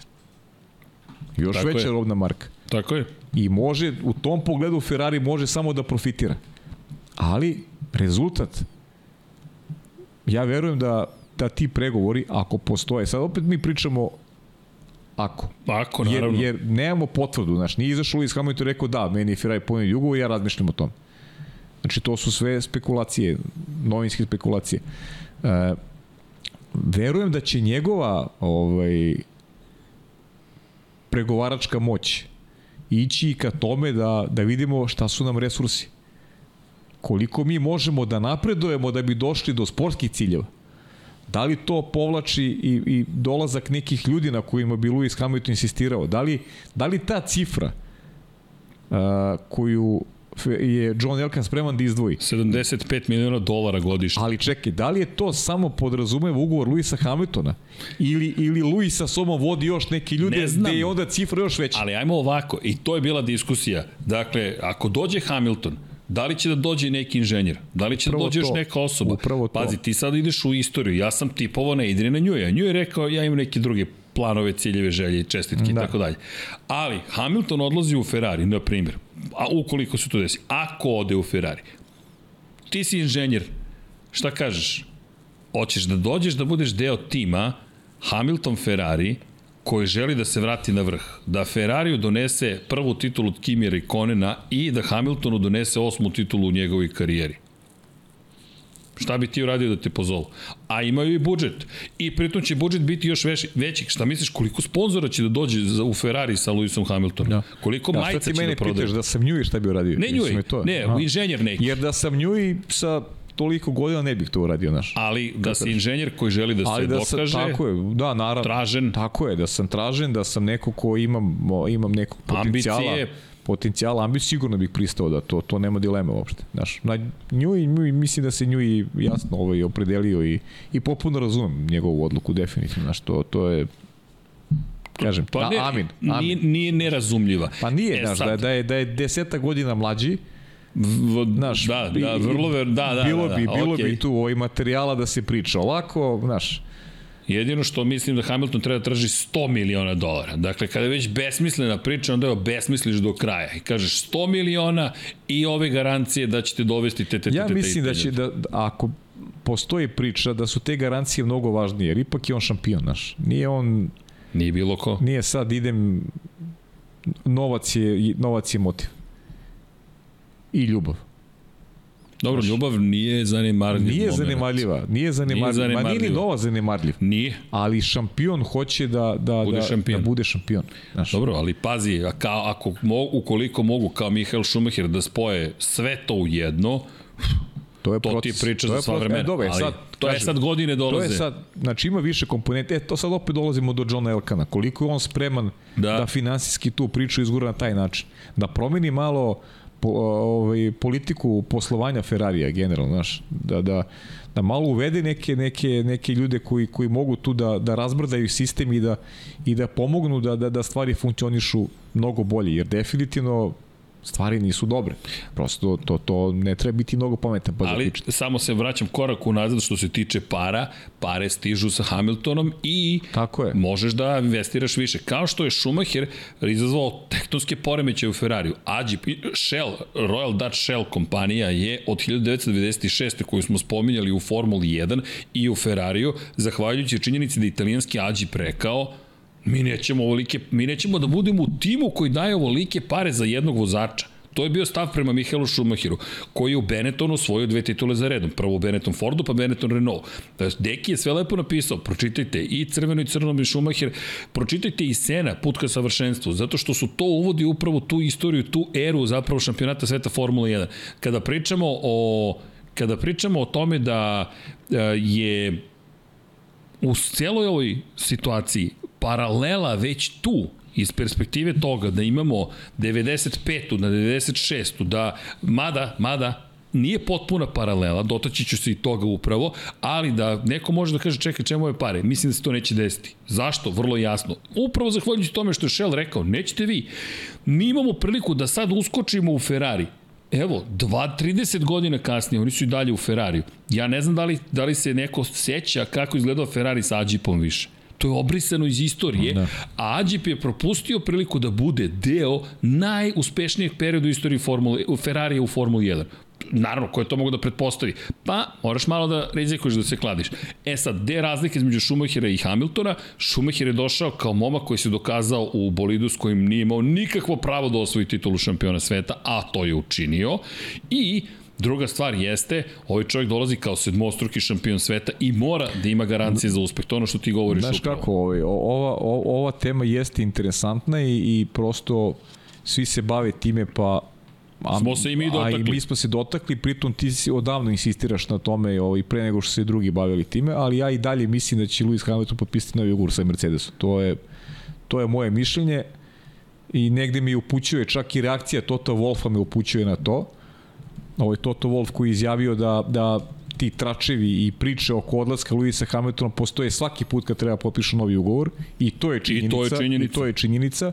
A da a da ti ugovori ovaj da taj da taj dogovor njegov sa Luisom ide onako postepeno kako uvek išao da su to prijateljski razgovori i da on veruje da će se završiti potpisom novog ugovora. Znači ne, znači, ne želim da zanemarim i tu priču koja ide iz Mercedesa i nekako mi je, meni je bliža, iskreno, to sam pričao i ranije, meni je bliža ta opcija da će se dogoditi na kraju da će Luis da će Luis u sve ovo što smo naveli i kao neki njegov benefit i kao jednu priču koja ja bih iskreno na kraju volao to da se dogodi da, da on pređe. Ja isto. Da on pređe. Ja u to ne verujem, ali bih volao da se dogodi, kaže da malo razbrda i tu scenu e. i, i da vidimo šta može Luis da uradi sa, Šta misliš? sa, sa, sa Ferrari. Izvini, koliko bi Stefano Domenicali voleo da se to desi? Pa Formula 1 može samo na toj priči da živi dve godine. Lagan. Slažem se. I znaš s kim pa ću napraviti? I Ferrari, I Ferrari možda živi Formula na toj 1 priči da potpuno zaboravi, da kaže da niveliše neuspehe sa kojima živi prethodnih godina. A teško mi je da poverujem da i Hamilton neće naterati u najmanju ruku, a i oni sebe sami da budu ipak konkurentni. Mislim da stoji sve što smo rekli, apsolutno, ali, ali postoji to ali. Ima jedno ali i prapravih paralelu još samo jednom, da su dve u jednoj priči. Valentino Rossi posle gubitka titule 2006. i 7. uspeo je da se vrati na vrh, ali sa istom ekipom ostao u Yamahi, a potom je otišao kada je polomio nogu 2010. godine i izgubio titulu protiv Jorgea Lorenza, otišao u Ducati dve neuspešne godine, ali dan danas se pamte te godine. Čak smo fotografiju, inače Henka Kuleman sa Rossi koji je na Madoni di Campillo i gleda u Ducati, pita se šta sam učinio. Pro, to smo uspeli da prodamo, tako da imate i te fotografije na sajtu. Ali, u svakom slučaju, uzbudljiva priča, ja se nadam, želim da se desi, zašto? Baš iz svih ovih razloga. Ali ima još priča. Aston Martin Honda. Kada već spominjemo ponašanje prema Hondi, ti si mi nešto vrlo zagolicu imao što. Inače, sve se više priča da će uskoro Aston Martin da saopšti da će u 2026. započeti saradnju sa Hondom. Zašto nije iznenađenje da se sada, dve i po godine unapred to saopšti? Zato što je krajnji rok. Vi ćete zakasniti sa pripremama za novu eru u Formuli 1 ukoliko do kraja, ne do kraja godine, već sada nemate partnera za budućnost. Red Bull ima Ford, Ferrari je Ferrari, Mercedes je Mercedes, Honda je sa Red Bullom trenutno, ali pošto ostoji bez nje, s nekim mora da nastavi saradnju. Znaš kako ovaj... I Alpina i Alpina, to je Koliko Renault. je bitan taj sportski rezultat, učinak? Možda je najbolja, ovaj, najbolji opis toga je Aston Martin, je ono što oni trenutno žive. Jer, da, ti si jer sada ti sad tražen. iz, iz pozicije Honda, šta je meni bolje, McLaren ili Aston Martin? Pa bolje mi Aston Martin, jer napravila se priča oko Aston Martina, imaš četiri podijuma, imaš, imaš Fernanda Alonso, imaš ljude koje, koje je stariji Stroll prikupljao godinama unazad, i investirao dosta toga da bi, da bi stvari izgledale bolje i evo konačno izgledaju bolje. I ti onda kao veliki proizvođač kakav je Honda, radije ćeš da izbereš strateško partnerstvo sa Aston Martinom nego sa McLarenom. Iako smo, ja sam priželjkivao da to bude sa McLarenom, da, da McLaren bude u saradnji sa Hondom. Ali pitanje je više ko pregovara u ime McLarena, šta e, se to dešava. Sam da te Tako pitam. Je, šta Kako je dešava? stanje kada, da li je ostala atmosfera zatrovana posle tih komentara Grand Prix 2 motor ili ne i da li neko u Hondi Tako kaže je. pa znate šta, Tako setite je. se šta ste nam Tako uradili je. prošlog puta. Pa i to, ali ti ovde imaš jednog ozbiljnog eh, biznismena kakav je, kakav je Lorenz Stroll. Znaš, imaš čoveka koji ovaj, očigledno zna kako se posluje i kako se, kako se pregovara za, za stolom. A ja ne znam ko je ta figura isturena sad u McLarenu koja vodi, koja vodi tu vrstu pregovora. Ko su ti ljudi? Znaš? Oni su o, očigledno ozbiljno udarac pretrpeli ovaj, odlaskom Zajdla. Odlaskom Zajdla. Andreja Zajdl koji je sada u Zauberu. Tako i to je nešto što od čega se izgleda nisu oporavili, a nisam ulazio u detalje, ali, znaš, logično je da znamo neko ime, da znamo neko ime koje, koje ovaj, figurira i koje je autoritet ovaj, kada pričamo o tim, o tim nekim pregovorima. A bazi sad ovo. Ne dopada mi se kako izgleda McLaren, definitivno. Tri stvari. Dakle, prva stvar. Ti da bi uspeo u šampionatu Formula 1, to je naša teorija, već duže moraš da budeš fabrički tim. Dakle, sve je lepo ovo što Aston Martin čini. Jel ti se čini da mogu da pobede Red Bull u ovakvom stanju stvari? Kao kupac Mercedesovih motora, koliko god Dan Fellows govorio, i to je baš dao intervju za, za The Race, izjavu da njih ne sputava to što sarađuju s Mercedesom, ništa što dobiju od Mercedesa ih ne sputava. Samo digresija blaga, ukoliko ste pratili F1 Technical, vratit ćemo uskoro i F1 Technical, samo da sve stignemo, ali jedna od stvari koja ih sputava, to je ograničava u razvoju bolida, jeste što ne mogu oni da sednu sa proizvođačem motora i da kažu, ajde da nam zadnje oslanjanje ne bude push rod, to je da ne bude, jel te, potisna spona, već da imamo vučnu sponu, da imamo obrnuti sistem, koji se ispostavili, to je potisna spona je bolja u ovom trenutku da postoji, to obrnuti je princip kod zapravo Aston Martin Martina. Zašto? Zato što ne možeš da sedneš sa Hondom. A obrno je na glavačke cijelu igricu zapravo spomenuti genijalni Adrian Newey, koji inače napred, dakle šta je učinio? Čisto za, uh, kada govorimo o pull rod i push rod, dakle, da, deluje da nema mnogo razlike u sistemu amortizacije, ali ima u konfiguraciji poda bolida. Dakle, time što je zapravo šta učinio? Spustio da je sistem za amortizaciju dole, dakle, doveo do toga da ima poti, uh, vučnu sponu, dakle, ona vuče kada dođe točak i udari preko neke prepreke, spustio je dole sistem. Šta je uradio? Oslobodio je aerodinamiku gornjeg dela da, da pravi krilo praktično i da usprost, strujanje vazduha sprovede način na koji želi ka zadnjem kraju. Zašto je na zadnjem kraju obrnuo da mu potisna spona bude i da mu gore bude sistem za amortizaciju, iako time podiže zapravo centar ravnoteže, to je gravitacije. Pa zato što oslobađa veći prostor ispod poda bolida i omogućava sebi da bolje dizajnira zapravo pod bolida, to jest Venturijeve tunele. E, to se zove genijalnost Adriana Njuja. Aston Martin ne može da kaže Mercedesu, e, znate šta, može potisna spona pozadi. Samo ako Mercedes to uradi, ti možeš to da dobiješ, pošto dobiješ i menjač i tako dalje tako dalje. Tako da nije to baš potpuna priča, ali kao što ti često kažeš, ne šta se priča o javnosti, već šta se radi iza kulisa. To je prva stavka. Druga stavka, dakle moraš budeš fabrički tim. Druga stavka, šta je Deki rekao? Da njemu miriše Aston Martin na novi Red Bull. To jest da multimilijarder zvani Lorenz Stroll jest. bi mogao da bude novi Dietrich Matešić. Ima smisla. Zaista ima smisla. I onda treća stavka, Honda mora da nađe nekoga ko je ozbiljan u celoj priči. I sa svim ovim stvarima, Denom Fellowsom i tako dalje, i Fernandom Alonsom koji lepo to vodi ceo projekat, zašto ti ne bi ima smisla, ma ima smisla, to, to smo, kažete, ja opet malo iz tih nekih romantičnih razloga, ovaj, želao se neko da taj McLaren stane na noge, da, da se dese neke, naše, neke, neke pozitivne, ovaj, pozitivne stvari, ali kažem, sportski rezultat je, je, je čudo koliko Znaš, ne smeš sebi da dozvoliš trenutak, ni jedan moment ovaj, opuštanja. E sad pitanje je koliko, znaš, koliko možeš da ispratiš. Jel, ovo McLaren, šta se dešava s McLarenom ove godine, pa ne deluje per, običavajući, ne deluje perspektivno. Ne znam kako će McLaren to da reši. I s kim oni mogu, mislim, ističe taj rok kao što si rekao i ne znam, ne bih im bio u koži. Ja se opet više oslanjam, opet više pričam o McLarenu nego, nego o Aston Martinu, jer mi je žao što, što ovaj, nema nekih indicija jasnijih da bi, da bi ovaj, stvari mogle, mogle da budu bolje u neko dogledno vreme i da, bi, da mogu da nađe nekog strateškog partnera s kim da bi se vratili na te neke stare staze. Inače, Risto piše za 45 minuta tek ovdje, tako da ću ja vjerojatno da dočekam ti će, Risto. Ne, ne, ne, ti ćeš definitivno da to... Da, ti to imaš obaveze. Ja, ja ću ga videti, možda naš, čisto pozdrav, da ga pozdravim ako dođe u tih 45 minuta. Gužva na autoputu. Pa ne, ja razumem ovo. Pa I očekivao sam ove, znaš, pogotovo ovo vreme nije lako prići Beogradu. Da, baš, je, baš su gužve, ali mi čekamo i to ćemo da snimimo naknadno. Super, dakle, ubacit ćemo da. u montaži i nemojte da, da brinete, pričat ćemo, hoćemo da čujemo šta ima Risto da kaže. Ide, ide u ozbiljno takmičenje, ali da se vratimo na ovu priču o Formuli 1. Dakle, me, što se tiče McLarena, citirao bih i, i, i Formula 1, ako se ne vram da je to username na Twitteru, kako kaže McLaren opet negde, e, parafraziram, izgubljen u celoj priči. I deluje izgubljeno. Zach Brown umesto da rešava stvari koje su strateški važne, ti imaš jednog Oskara Piastrija i jednog Landa Norris u svojim redovima i ne znamo šta će biti s njima. McLaren Mercedes kombinacija može da ponovo bude uspešna, ali da se bori za titulu, ja zaista to i dalje ne vidim. Nadam ne. se da grešimo, ali evo, ni Aston Martin ne može da... Evo, pobedio je fabrički ček, tim, ček, ali nije pobedio ovako, sve. Ajmo ako postavimo stvari, kim će McLaren u 2026. Pa, verovatno s Mercedesom. To je užas. Pa nemaš, nemaš s kim. Pa bolje da ih nema.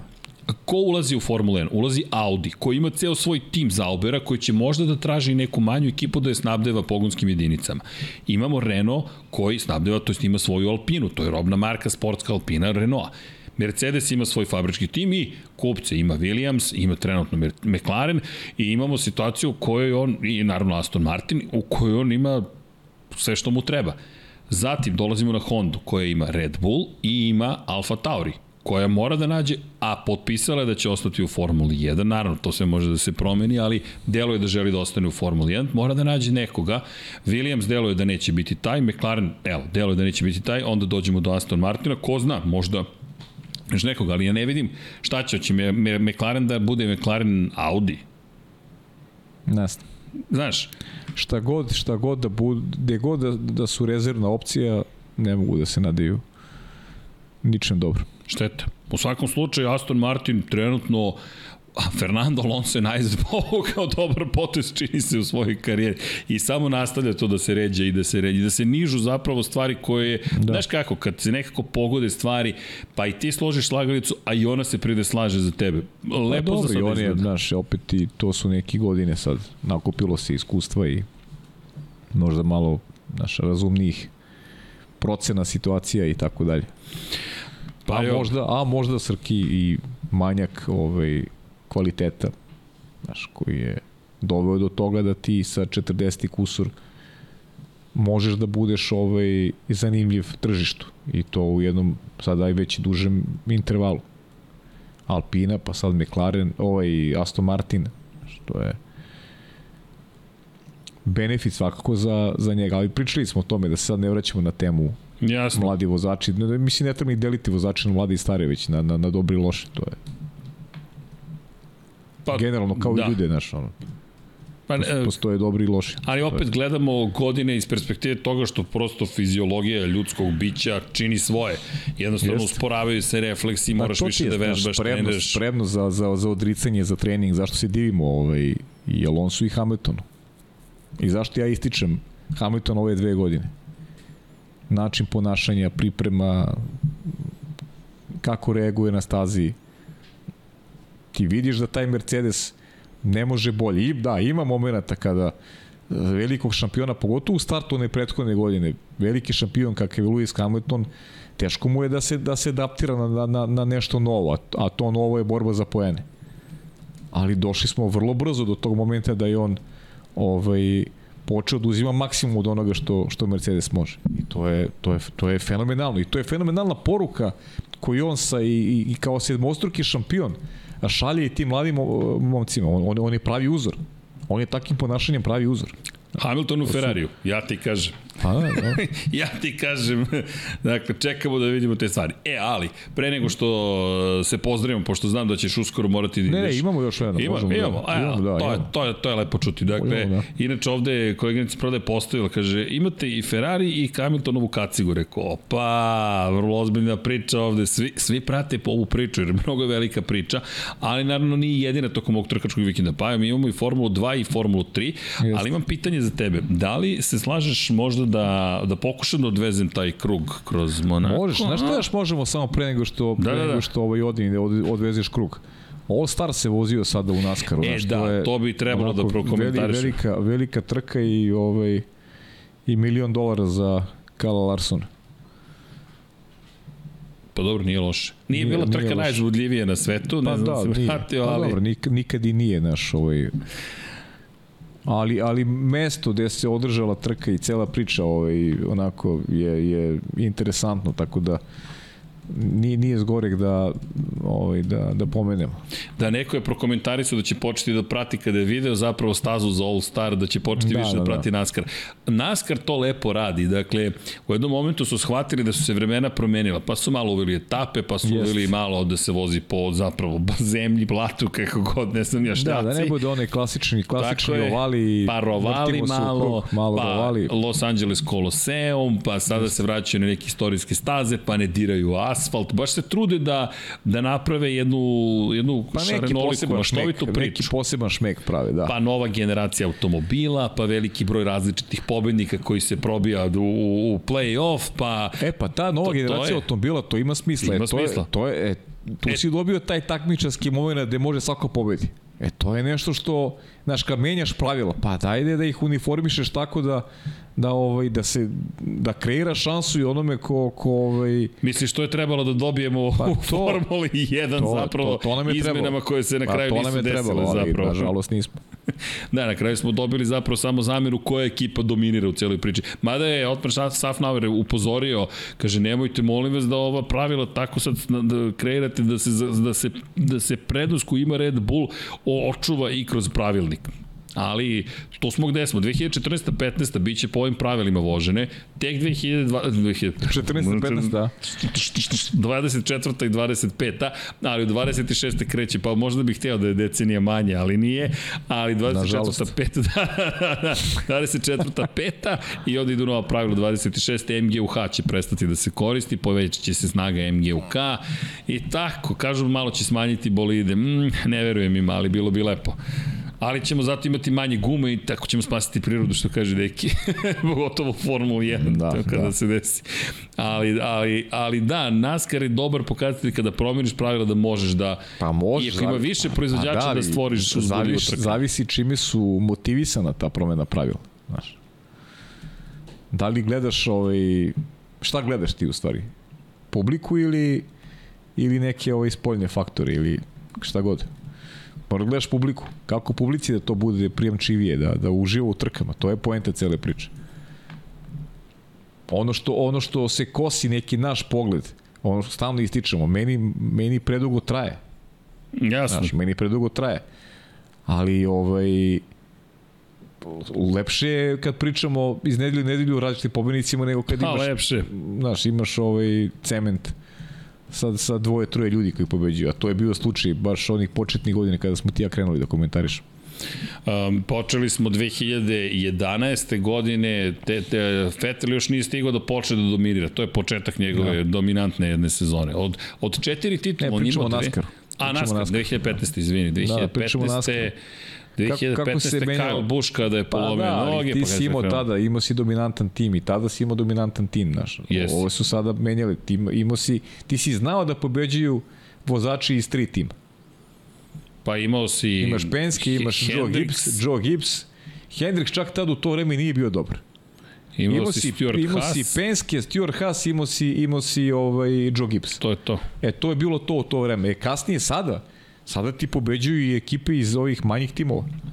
Ne da pobeđuju, Vozači, nego non stop timova. svi pobeđuju. Pa da, to, to, to je point. Uh, dobro, Oslo, pa jo. Čovjek za koju ste navio, Martin Truex, on je pobedio za Furniture Row, koji je bila mala ekipa. O svoju titulu. Svoju titulu, tako je. Nije pobedio za Joe Gibbs, nego za Furniture Row, koja više ne postoji. Šta ste kažeš? Izvini, izvini. Da bi vreme bilo da odim da se pozabavim Sonyjem. To jest PlayStationom. Ajde. Znaš da, znaš da klinci ne znaju da je to Sony PlayStation. Zovu ga samo PlayStation. Ja kad kažemo ćemo Sony, kažu ne znamo o čemu pričaš. Ali ja znam o čemu pričam. Je li aktivan mikrofon ovaj 3? znaš.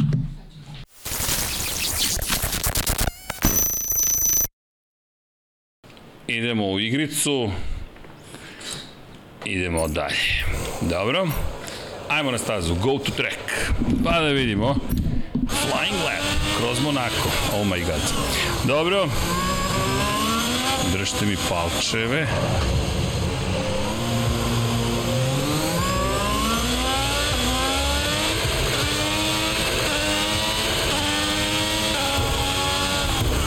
Aha, ovde mi zvuk ipak kasni. Dobro, sad ćemo to da rešimo.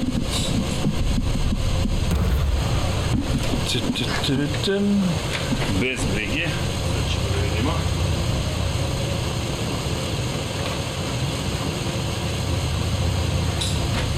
Pa dobro, nagađat ćemo uz malo kašenje zvuka kako će sve ovo da funkcioniše. Nema veze, važno da se vi zabavite i da sve ovo bude kako treba. Ajmo mi nazad, da restartujemo ovaj krug. Paja mi je negde nestao, vidim tamo u pozadini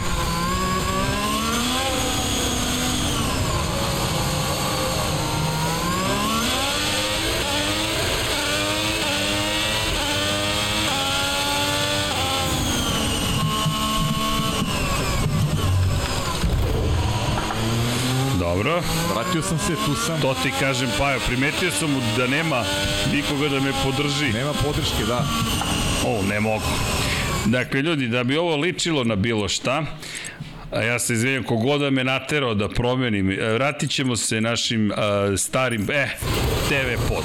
Ljudi, ovo će bar nekog smisla da ima, a posle ću da naučim da vozim iz kokpita. Jel može?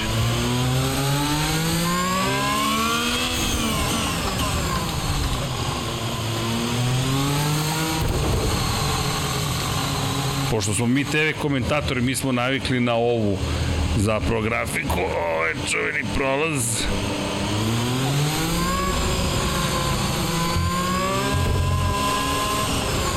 Sad samo da ne izvedem Pereza. O, izveo sam Pereza, dobro.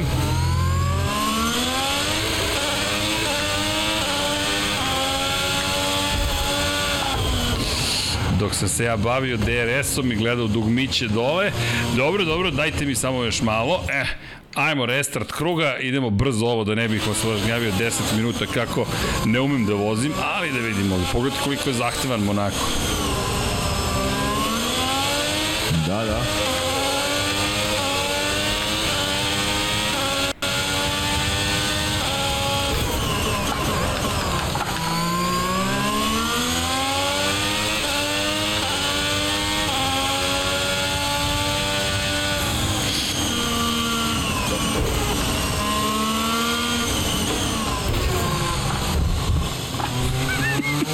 Okej. Okay.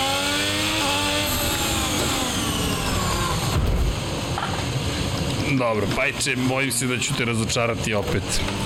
Da, vidim da si ovaj... Vadit ću se na to da nismo ovaj, podesili kamera direkt i te stvari. Pa dobro, vidim da si kao... Kao može Leclerc, možeš i ti. Da, da, da, baš... Nemoj, čovjek zna da vozi. Dobro.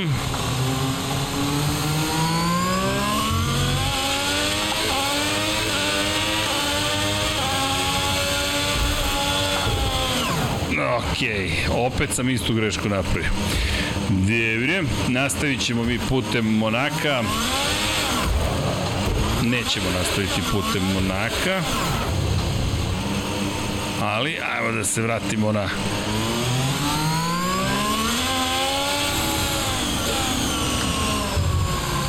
Da. Nisam prvi vozač koji je skratio šikaru na ovaj način. A ni poslednji? Tako je, Pajo. Ima malo delay. Vidim da smo opet vratili na onaj output, ali nema veze. Bitka je ovo... Bitka je da pogodim kad treba da skrenem. Čak se ni ne vadim ovog puta. Nije do toga što loše vozim, već... Dobro, Pajo, ovo je depresivno. Da. Ne, e, bukvalno je depresivno. Neću te lažem, jeste. Jeste, dosta onako loše.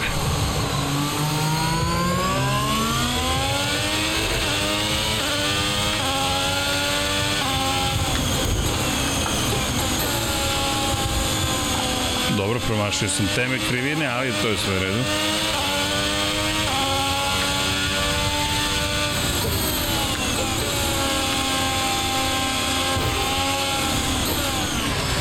Ne, ne, ne, nema, nema šanse da ga odvezem, pogađam bukvalno kad treba da skrenem, skrećem u napred.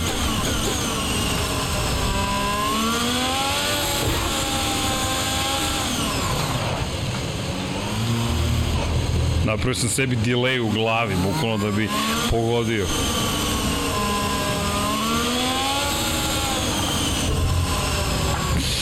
Dobro, ajmo.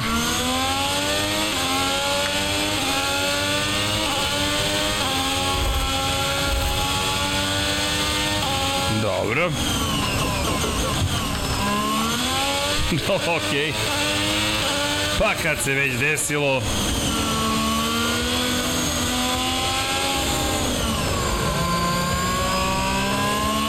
Dobro.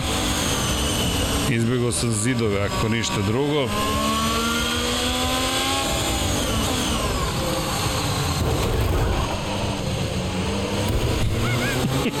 Dobro, završavam sada krug Pajo. Koliko da. toliko sam ga završio, ajde.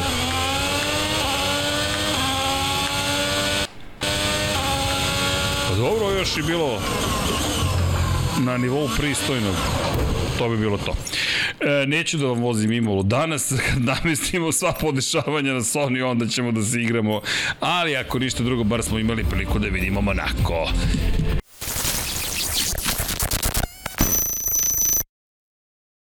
Bum! Ili ti filmska magija. Dakle, ovo je uskok u sobstveni podcast, pa ja ćemo da uskočimo, zapravo pa je otišao, tako da ću ja sam da uskočim zapravo u podcast. Zašto? Zato što moramo da, ne samo da moramo, želimo da ispoštujemo naše gosta, nekog ko se nadamo da se osjeća domaćim ovde, tako da vratit ćemo se da li na vožnju ili u montaži vidjet ćemo gde je Formulu 2, Formulu 3, zašto? Zato što je stigao gospodin Risto Vukov, Ćao Risto, mnogo mi je drago da te vidim, dobro nam došao. Hvala puno na pozivu, mogu da vam kažem da je predivno ovde, tako da drago mi je što sam ovde. Ma, super je, predivno je što si ti tu, to je nama najvažnije. I vidi, imamo osmeh na licu o, ozbiljan, već neko vreme pričamo o tebi, spominjemo te, ali to je, ti si za nas misteriozna ličnost koja se odjednom pojavila, kad neko nam je rekao, Dobro kaže, a što ne spominjete Risto Vukova iz Makedonije koji će voziti Porsche Supercup? Molim, ko će da vozi Porsche Supercup? Inače, pozdrav ponovo za Viktora Šumanovskog koji nas je zapravo spojio. Da, da. Zaista mu hvala. I hvala tebi što si odvojio vreme. Ti si na putu? Ja sam na putu da jutro smo krenuli, sad smo na neku pauzu došli kod vas i produžavamo za, za Monako polako, polako. Da, ne... Nadamo se da sutra Bićemo tamo. Nećemo te dugo zadržavati. Prvo, hvala ti. Izvini, ja makedonski vrlo slabo govorim. Nadam se da... Ja da... ću da se koliko mogu da se prisposobim na, na vaš jezik. To je Hvala ti puno. Naše vaš isto, ba, po da, mene. To slično je, nego Slično. samo izvini što ja ne, Jest. ne vladam tako dobro. Tako da, uh, razumemo, ali naučit ćemo. To, je, to je jedan od ciljeva. Ali pre svega zaista ti hvala. I sad, vratit ću se na početak priče. Dakle, ako se ja dobro sećam cijelu priče, Viktor nama kaže, ej ljudi, Porsche Superkupu vozi jedan momak s ovih prostora, vozi Risto Vukov. I mi kao, čekaj, šta pričaš, zašto, kako, mi to ne znamo. Pogledamo, makedonska zastava, broj 17, Ombra Racing Porsche Supercup. Hajde da, ajde da pokušamo da iskoristimo ovo vreme koje imaš dok si na, na novom pit stopu u Beogradu. Otkud u Porsche Supercupu? Znamo da si možda Porsche Carrera Cup Italije, ali otkud u Porsche Supercupu? Pa vidite, generalno to je bio cilj. Naravno, kad sam krenuo sa, kad sam se odlučio da idem u, u GT vozila, da, da li ću Lamborghini, da, da li ću Porsche, naravno, tri godine sam prošao u Porsche Carrera Cup Italije i to je bio cilj. A, iskreno, jeste, nadao sam se, ali nisam verovao da, da će da bude toliko brzo. Ipak tri godina nije ništa, ništa strašno. Tako da skupio sam dosta iskustva u Italiji. Uh, nažalost, jedina stvar koja je, s obzirom da, da samo znam dve staze, uh, dve patike od uh, od e, ovogodišnjih šampionata, tako da sve ostalo mi je bukvalno novo. Da te pitam koje dve staze? Imola, koja već je Koja već, da. I Monza. I da te pitam, Imola, hoće se nešto nalaziti umjesto Imola u kalendaru ili ostaje na sedam trka?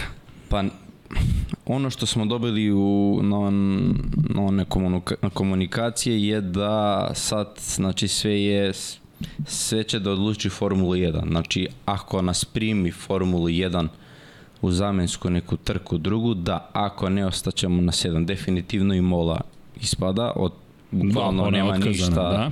za celu godinu, tako da sve zavisi sad od Formula 1. Šta će da bude, kako još ne znam. Dobro, mi ti držimo palčeve svakako da bude neka staza koju poznaješ. Pre svega da, da, da nadohradi za ovaj gubitak Imole. Da. Ali Porsche Supercup, ti si u Ombre Racingu, kako je, kako je došlo? Ko je, pretpostavljam da su te pozvali Jeste, ja sam tim. bio tri godina u GDL Racingu u Italiji i Ombra Racing je u stvari šampionski tim, znači prošle godine je bio šampion, bili su šampioni kao konkurenti, kao tim i vozač od tima, Gianmarco Quaresmini, on sad preminuo drugi tim, bio šampion isto tako. Tako da tražio sam nešto različno, nešto novo, tim koji već je, mislim da je već tri godine u Superkupu, zna, zna pateke, zna, ajde da kažem, te stvari koji su neophodne, setupe i tako dalje i tako dalje, tako da bili smo u neku komunikaciju. Na, iskreno bio sam u bio sam u komunikaciju sa više timova, ali ovo bilo onako baš poklopilo se kao, kao što treba. Da, prošle godine Lek Hartog je vozio za, za, da. za, za ekipu, zatim Quaresmini koji je napustio tim i Kaljoni je takođe nastupao za Ombra Racing prošle Tako godine je, da, u Porsche Superkupu. Da, Quaresmini sad preminuo u uh, Dynamic Motorsport, isto sam bio u komunikaciji sa Dynamic Motorsport, Hartok, mislim da preminuo GP Elite, nisam baš siguran i kako, koji, koji jeste bio još jedan. Tako da svi smo tu vidite, tu nije, kako da vam kažem, nije stvar u ko je bolji. Generalno, svi su timovi, mogu da kažem, high level, tako da je, ne znam, neke unutrašnje stvari razlog da neko ide od vamo tamo, razumete? Ali se otvorila vrata. I da, to je najvažnije. Vrata, I sad puna sezona u Porsche Superkupu. Ajmo da iskoristimo priliku. Prvo, ljudi, imaš Instagram? Imam. Ok, Uh, nemamo, nemamo chat sada, ali ćemo da ubacimo Dobre. link Aha. Instagram. Zapratite Rista Vukova. Dakle, ako već nismo naučili, ajmo da naučimo svi zajedno puna podrška svima sa ovih prostora, gde ne zamerite što, što vam se tako obraćam, ja vas preklinjem i molim za podršku, zašto? Potrebna je, sutra će neki sponsor da uzme i da pogleda, aha, koliko imaš pratilaca, kolika interakcija, koliko ima lajkova, koliko ima ovoga, koliko, udrite lajke inače, i zbog Rista, i zbog nas, ali to znači, pa vas eto, ja molim, zapratite, je ti Instagram glavni profil, imaš još neki? Jeste, Instagram i, Instagram i Facebook. I Facebook, da. Eto, ko je na Facebooku, stavit ćemo link u opis ovog videa, stavit ćemo Instagram link, zapratite Rista, to je potrebno zaista, jer na taj način pružamo podršku, besplatna je, osim što nas košta par klikova i malo vremena, a sponsorima će da znači. Da te pitam odmah, ovo je krajnje komercijalno pitanje. Sponzori, dolazi iz Italije, dolazi iz Makedonije, kakva je situacija? Koga da spomenemo, kome da se zahvalimo, čekaj, da iskoristimo priliku? Pa vidite, generalno za sad, da, sponzori dolazi iz moje zemlje, dolazi iz Makedonije, tu je, mogu da kažem, agencija za, kako, kako, kako kod vas je za omladine, agencija za mladi sport je na naš ministarstvo, jezik. Ministarstvo okay, jeste, to ministarstvo to. za sport.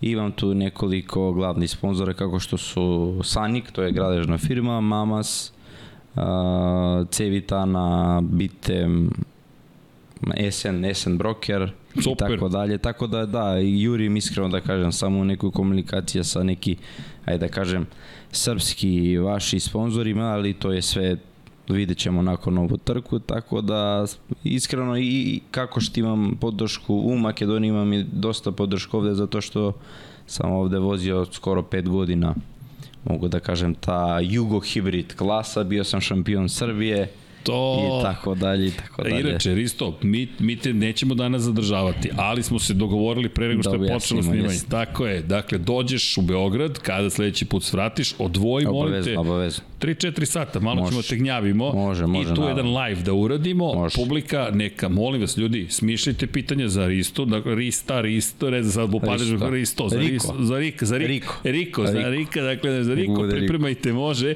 Pitanja, šta želite da saznate, čujete naš, naš, naša, naša, naša misija je da otkrijemo i te stvari, koga već ne poznaje, da ga upozna malo bolje i da ti pružimo podršku maksimum. Eto i za sponzore poruka iz Srbije, iz bilo koje države, regiona, ljudi podržite držite, imate čoveka u Porsche Superkupu, poslednja osoba sa ovih prostora, ja, koliko se sećam, Andrej Kulundžić koji je vozio Porsche Superkupu, možda je neko bio između, ali se ja više ne sećam. Andrej, baš smo se pre pet dana družili zajedno, bili na navak, vodili smo se i tako da ga puno prozavljam, dosta mi pomogao, mogu da kažem, ipak iskustvo koje on imao pre par godina i ovo sve što radi sada, dosta, dosta mogu da kažem, dosta mi pomaže. Sjajno.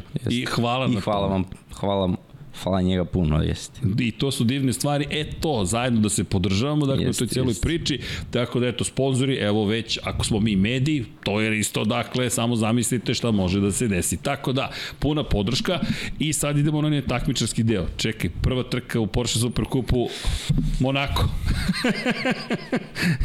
bilo bi bolje da bilo bar, bar Imola ili neka druga trka, tako da bukvalno direktno sa novi konkurente, visoka konkurencija, akcija, ulična staza, nešto prvi put za mene, pričam za Porsche, tako da to, to, je, to će da bude malo, ajde da kažem, i riskantno i mora da budemo dosta oprezni, nadam se da neće da bude kiša, nema mesta za greške, vidi... a greška je za, za tili čas se desi. E, prošle godine, inače, Hasan Bratić, naš prijatelj, kolega, prijatelj, poznanik i sve ostalo pozdrav za Hasan Bratića, baš fotografisao Porsche Supercup i kaže, ne možeš da ne, ne fotografišeš, prosto kada polete, kada izlasku iz Tačno. bazena, to su fenomenalne fotografije i kaže, jednostavno ne možeš da, da ne iskoristiš tu priliku kada se već ukazuje, jednostavno takvi su kadrovi, bukvalno se Jest. leti. Je tako da, da ali ne odleću u ogradu, nego samo preleću preko pasice. Kažu da sad ivične. ono što sam da, saznao, vidit ćemo sad sutra preko sutra na stazi, da su one, ajde da kažem, šikane, bordure, e, dosta su, dosta su sada ravne, tako da neće da bude puno skakanje. Tako bar kažu, vidjet ćemo da li je to stvarno tako ili ne. Da, inače mi imamo fotografije iz prethodne godine, poslao sam na Slack, pa ukoliko uspete ubaciti tokom emisije, čisto da vidiš kakvi su letovi, ali Hasan će biti tamo. E da, A, dobro, ajde, ne, ne, spojit ću vas. Ako ste raspoloženi, Hasan, Naravno. dakle, i, i Risto, pa se spojite tamo kad ste već, dakle, mi ovde gradimo tu priču, dakle, e, gde god ko da živi, Hasan živi u Nemačkoj već dugo, ali sa Aha. balkanskih prostora kogod daje, mi ga prisvajamo odmah, pa ukoliko mu se dopadne šta pričamo, idemo dalje zajedno. Tako da, Hasanu, hvala, hvala i tebi, ali idemo na to takmičarski deo. Dakle, razumem da će biti baš zahtevno, međutim, to je opet sada, ta, evo, sad si rekao, od prve trke zavisi i sponzori kako će da vide neke stvari. Dakle, mi ćemo, da znaš, podrška s naše strane puna, ako ti ne smeta, zvaćemo te i na telefon Naravno. kada se završe kvalifikacije Može. trka, čisto te uključimo u prenos, Može. da li treninga Formula 1 ili nešto, čisto da dobijemo izveštaj sa staze šta se desilo, to je prednost, jel te, evo ga, moment leta, jel te? Jest. To su... Kažu da sad ovo nije toliko visoko, pa čemu da vidimo. Da, sa, saznaćeš uskoro. Jesi vozio simulator ili nešto? A vozio sam, ali ja iskreno na to puno, puno ne verujem. Jeste, pomaže za koncentracije, ali po meni ništa više. Da si me vidio malo pre kako sam vozio, katastrofa. Dakle, bo, bo, bolje da nisi video. Dobro, je, kakvi su planovi za ovu godinu? Da, inače, ti voziš, ovo je kup takmičenje, svi imate iste automobile. Da. To je takozvani 992 Porsche, je li tako? Da, 992 GT3 kup.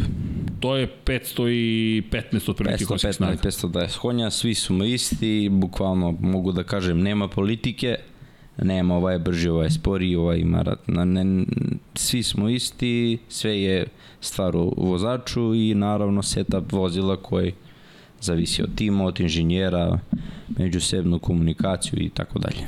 Da, inače ovo je sa šest stepena prenosa da. Porsche, radi se bukvalno Porsche GT3 Coupe 911, samo što je to verzija iz 2021. godine da. i ona se koristi u Porsche Supercupu. Porsche Supercup je inače vrhunsko, najviše takmičenje Porsche, Porsche kupova, s tim što je kup Nemačke vrlo, vrlo visok i kup Italije takođe. Absolut.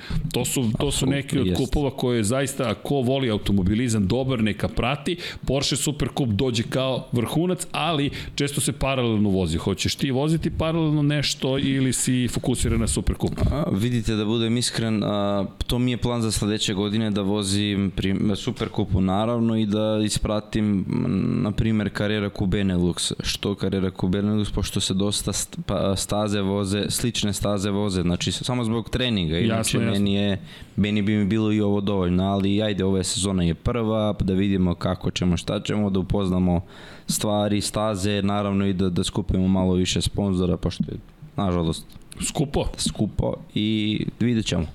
Dobro, mi smo tu da kažem, ajmo sponzori, javite se, potražite na Instagramu koji je u opisu, kao što smo rekli. Svako malo znači, dakle, naravno, podrška, naravno. dobrodošla. Inače, vi ćete voziti Red Bull Ring sledeći, da. prema trenutnom planu, to je 30. jun, 2. jul, to je 31. jun, 1. jul, 1. i 2. jul, zatim Silverstone 7 dana kasnije, da. pa Hungaroring dve nedelje posle toga, 23. 22. 23. su, zapravo trke 23. jula, pa 7 dana posle toga idete na Spa, Spa. pa onda u Zandvort 4 nedelje kasnije 27. avgusta u Holandiji i 7 dana posle toga završava se sezona u Monci. Dakle, ti do kraja sezone ne znaš ni jednu stazu, a imaš da naučiš Monako koji ima odbojne ograde na milimetar, fantastično, Red Bull Ring, ok, to je trkačka staza, tako da tu... Imamo trening zdravlja, sredinu juna idemo na Red Bull Ring, Super. Silverstone već sam bio pred tri nedelje, bili smo na trening. Okay. Izuzetna staza. Bukvalno da, kad sam izašao bio sam široka staza, bukvalno kao strašno bilo. Da. Nekadašnji nisam aerodrom. Nisam znao gde da idem, iskreno, da, nekadašnji ne, ogromna je, ali ogromna, bukvalno je nisam ogromna. Znao bukvalno gde da idem, znači bukvalno tako bilo, tako da i treba staza koja treba da se maksimalno iskoristi, mnogo zahtevna da iskoristiš celu širinu, da kažem, na, na, na stazu, tako da to je brzina u stvari. Kakva je kad prolaziš Megods, Beckett, Čepel i... imao sam baš na trening, malo sam, malo sam, ajde, da kažem, kočenje, malo stanem, stanem ranije, idem ranije na kočnicu i bukvalno se osjećam se kao, kao da stojim. I još nekoliko krugova, još malo, još malo, još malo dodam, da kažem, reper pomerim napred i, aj kažem da idem još malo napred. Još malo napred, zablokiram, idem direktno u bankinu. Sreća bilo na pesak, pa sam nekako stao, otkidao gumu, ali sve je bilo safe, mogu da kažem. Strašno. Avantura iz Megac Bekici da. Čepel. e, to sad na Monako, ono, ta, da izletiš, da se spasiš, nema. To, to će da bude Dobro, nadamo se da nećeš ni pipnuti ogradu za malo. početak, to je prva stvar. A može malo, čisto za... za uspomenu. Za uspomenu, jes. Potpis da ostane. Potpis.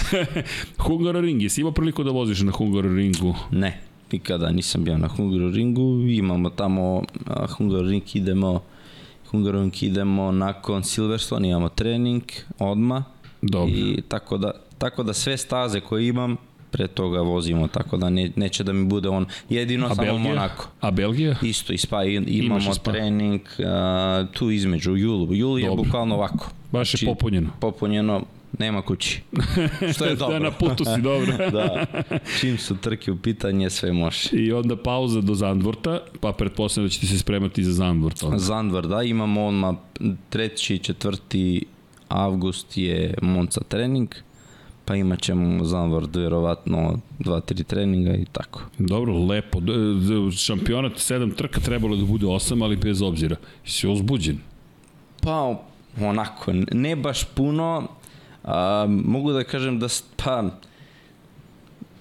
svašta može, primer sad za Monako, svašta može da bude, tako da, pošto nije, kako da kažem, jeste stvar u profesionalnosti, nije toliko profesionalnost kao na ovih drugih stazama gde se rade bukvalno u sitnice, u bukvalno sve. Ovde je taj osjećaj, ta, to je, ajde da kažem, više talenat koji mi, mi imamo kako, da se, kako, će, kako ću da se snađem u taj trenutak, tako da mislim da imam sad najviše šanse uspoređivo s ovih drugi, drugi vozači, ali jeste ovi 50% od vozači već su vozili Monako, znaju Monako, tako da vidjet ćemo. Dobro, ali, ali opet to je proces, to je Jest, proces učenja, jest, tako da jest.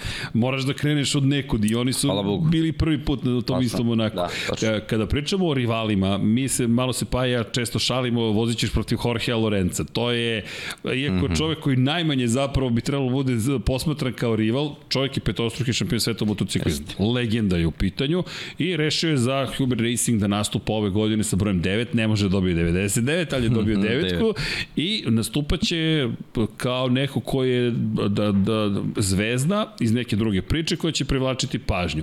Čisto da ga spomenemo, zanimljivo će biti, pretpostavljam.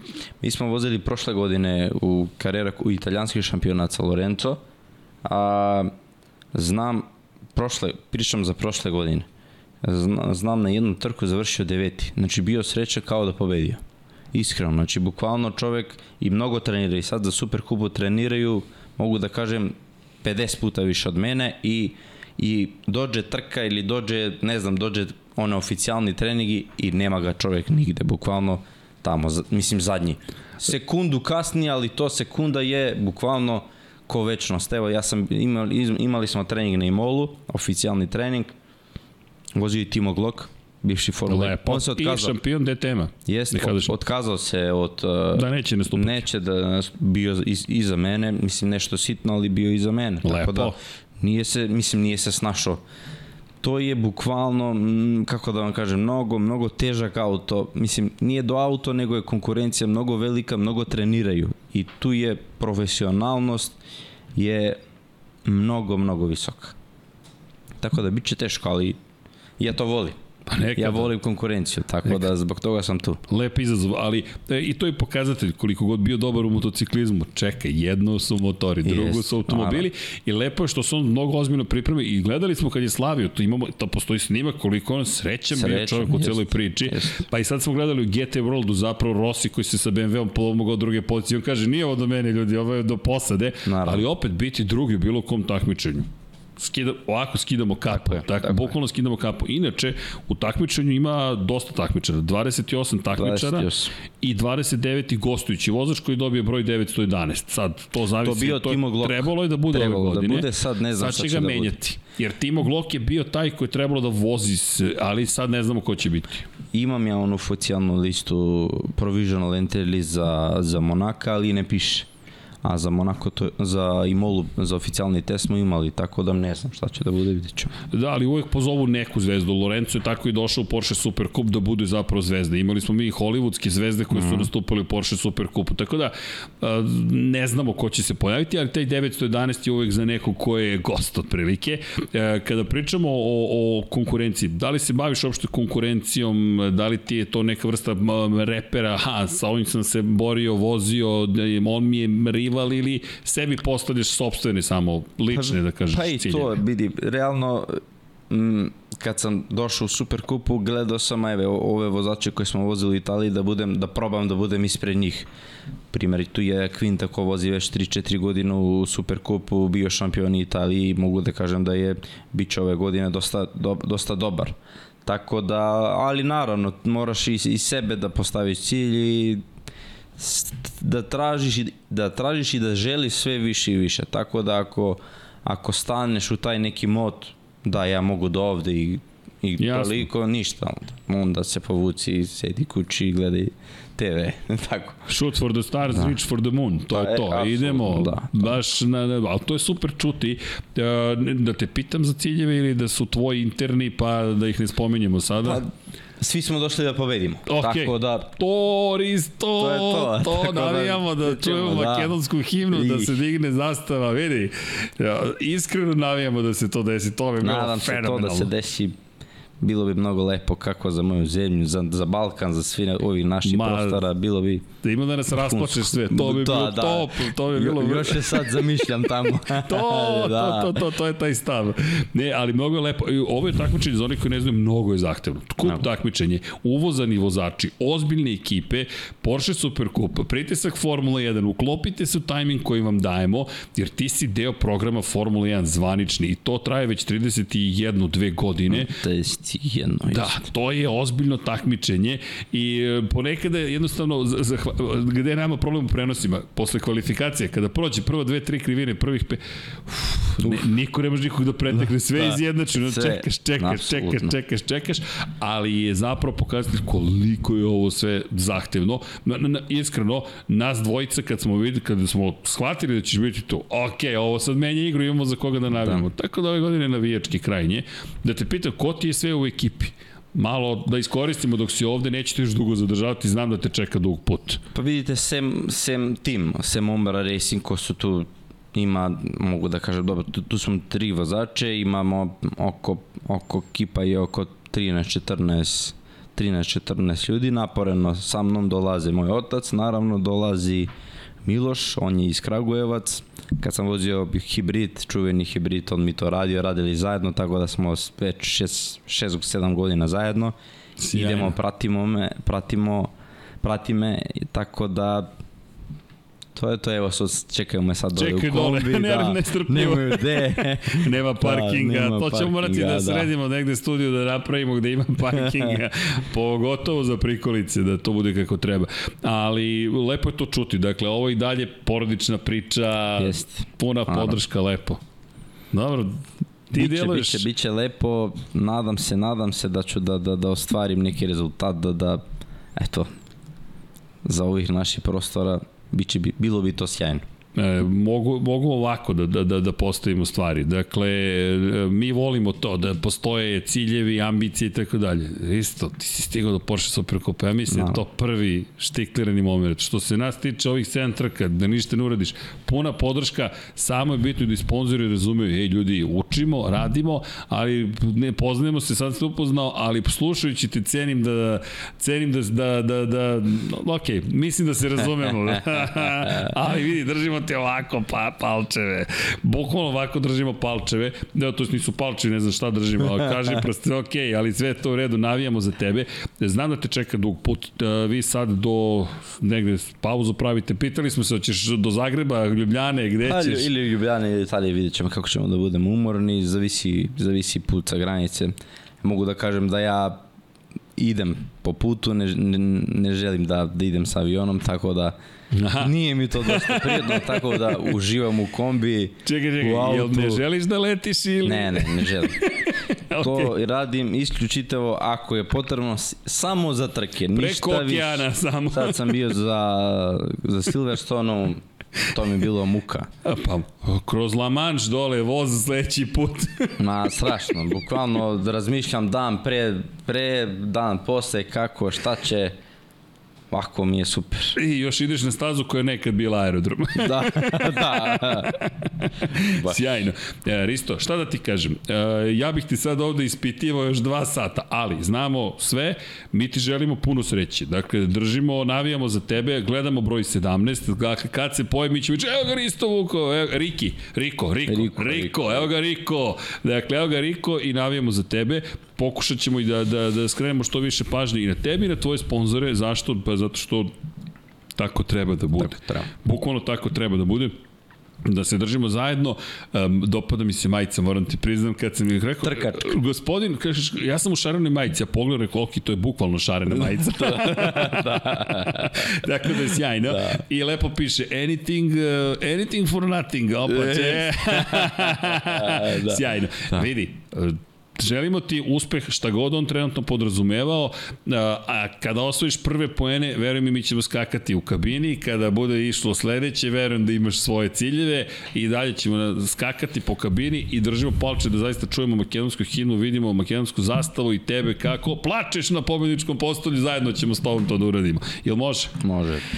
Šta da ti kažem? Hvala puno. Hvala tebi. Danas kad si mi rekao, juče pričamo, možemo Zoom? Možemo i u studiju. Molim, šta, kako? Da. Biću u Beogradu. Stvarno? Da, da, da, da, super bilo. Taman izašlo. Ja, kad, kad me ovaj lik iz Makedonije, Viktor, kontaktirao, kažem, ja sam, iskreno, ja sam, ček, ja sam vas potražio na Instagramu, ali vidim, ne javljate se ovo ono. Jesmo na Instagramu, gde je to otišlo? Ne, na, ja sam... na Infinity Lighthouse ili mene lično? Na Infinity. Na Infinity. O, to je negde otišlo, otišlo. dakle, Izvini, molim te. Ništa, ništa, ja Izvini, čekam, čekam, vidi vas nema juče. Ma ne, ne, ne, ne, ne. ne. Ali tu još, smo našli smo Nema kako, još smo mi tražili broj, otišao, otišao e-mail u spam i onda smo našli Viktorov broj i Aha. ne, odmah zovi i rekao dajte telefon da zovemo. Izvini, molim te. E, ponekad nam se desi da ima nas malo malo, ali to nije opravdanje. Super ste. Hvala. Hvala. Tek ćemo da budemo dobri. Ali vidi, ono što stalno pričamo, podrška tebi, Martinu Vogrinicu, podrška Dinu Beganoviću koji predstavlja da Švedsku, ali i Bosnu i Hercegovinu na jedan lep način. Istovremeno Filip Jenić, kogod, dakle svaki momak, devojka koji dolaze sa ovih prostora Absolutno. ima puno našu podršku. Absolutno.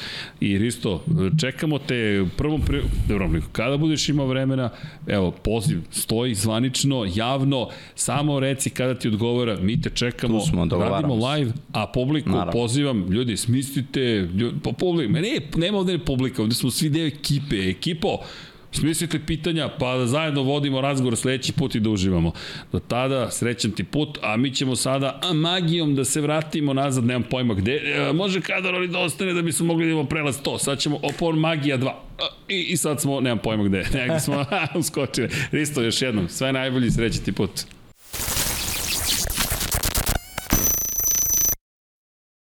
Da. spomenemo Formulu 2 i Formulu 3. Ne, moramo, da, to je... Moramo, moramo prosto, suviše su bitni šampionati ono što se dešava. Da, da, da.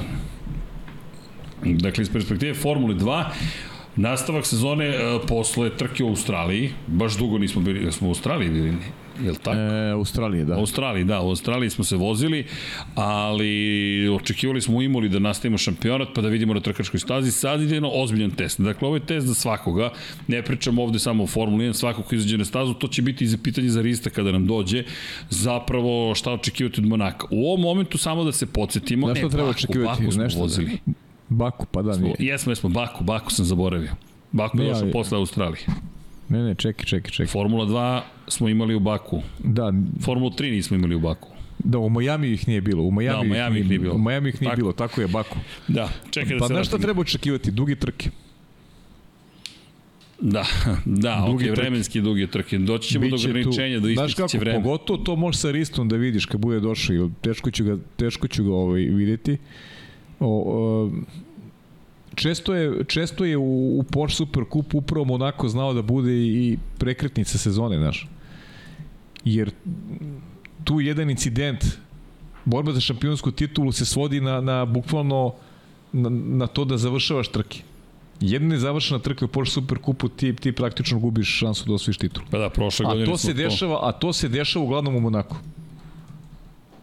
Na, prošle godine, čekaj, prošle godine smo baš imali situaciju gde su se stvari otvorile upravo pa, zahvaljujući pa, pa, između ostolog i pa, tom. Pa ne samo to, ti si Dylan Perire i pre dve godine izgubio titul jer u Monaku bio 15. A recimo. Ten Ward je prošle godine na Red Bull ringu bio van poena. Ne, Ten tako? Ward njega izbacio, u, na Red Bull ringu ga izbacio sa staze, sad sam zaboravio tačno ko.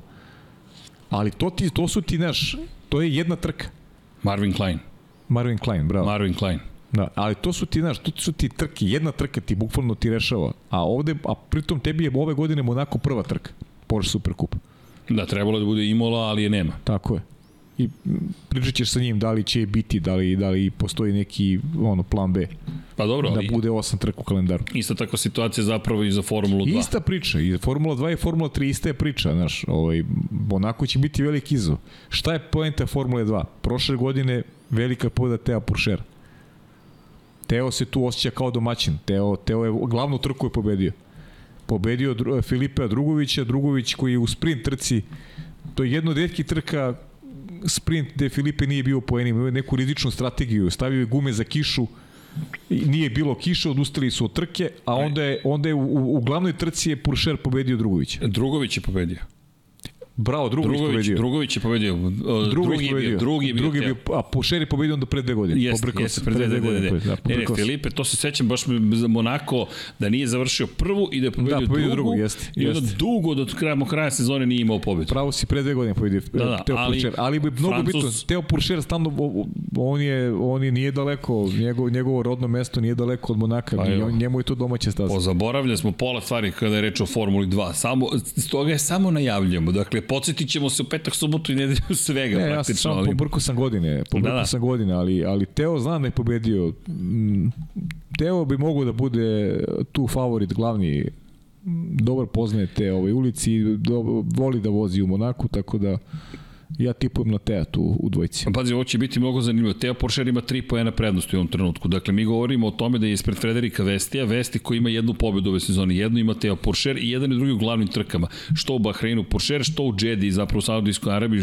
je Vesti pobeđivao. Međutim, Ayumu Ivasa je čovjek koji ima jednu pobedu u sprintu, jednu pobedu u glavnoj trci. U Australiji, inače, Ayumu Ivasa slavio, ali Oliver Berman, trenutno čovjek koji je zaređao dve pobede za redom. Dakle, to ono što je fenomenalno. Čovjek koji je imao savršen vikend u Baku zapravo, ne znam zašto sam ga preselio u Australiju, najbrži krug trke u sprintu, pol pozicija, pol pozicija naravno u glavnoj trci, u, u, u, u sprint trci krenuo sa, sa 12. mesta, ali ono što je fenomenalno u celoj priči jeste zapravo što je Berman bio desetoj, oprostite, bio spektakularan od početka do kraja tokom celog vikenda i sad se tu postavlja pitanje na 41 jednom poenu, jer 24 ima manje od Porschera, Ti si ga spomenuo malo pre. Rame pa, uz rame, ne rame uz rame, ali kao Britanca koga treba gledati. On je moj favorit od tih klinaca, to, to sam se izjasnio od poodavno.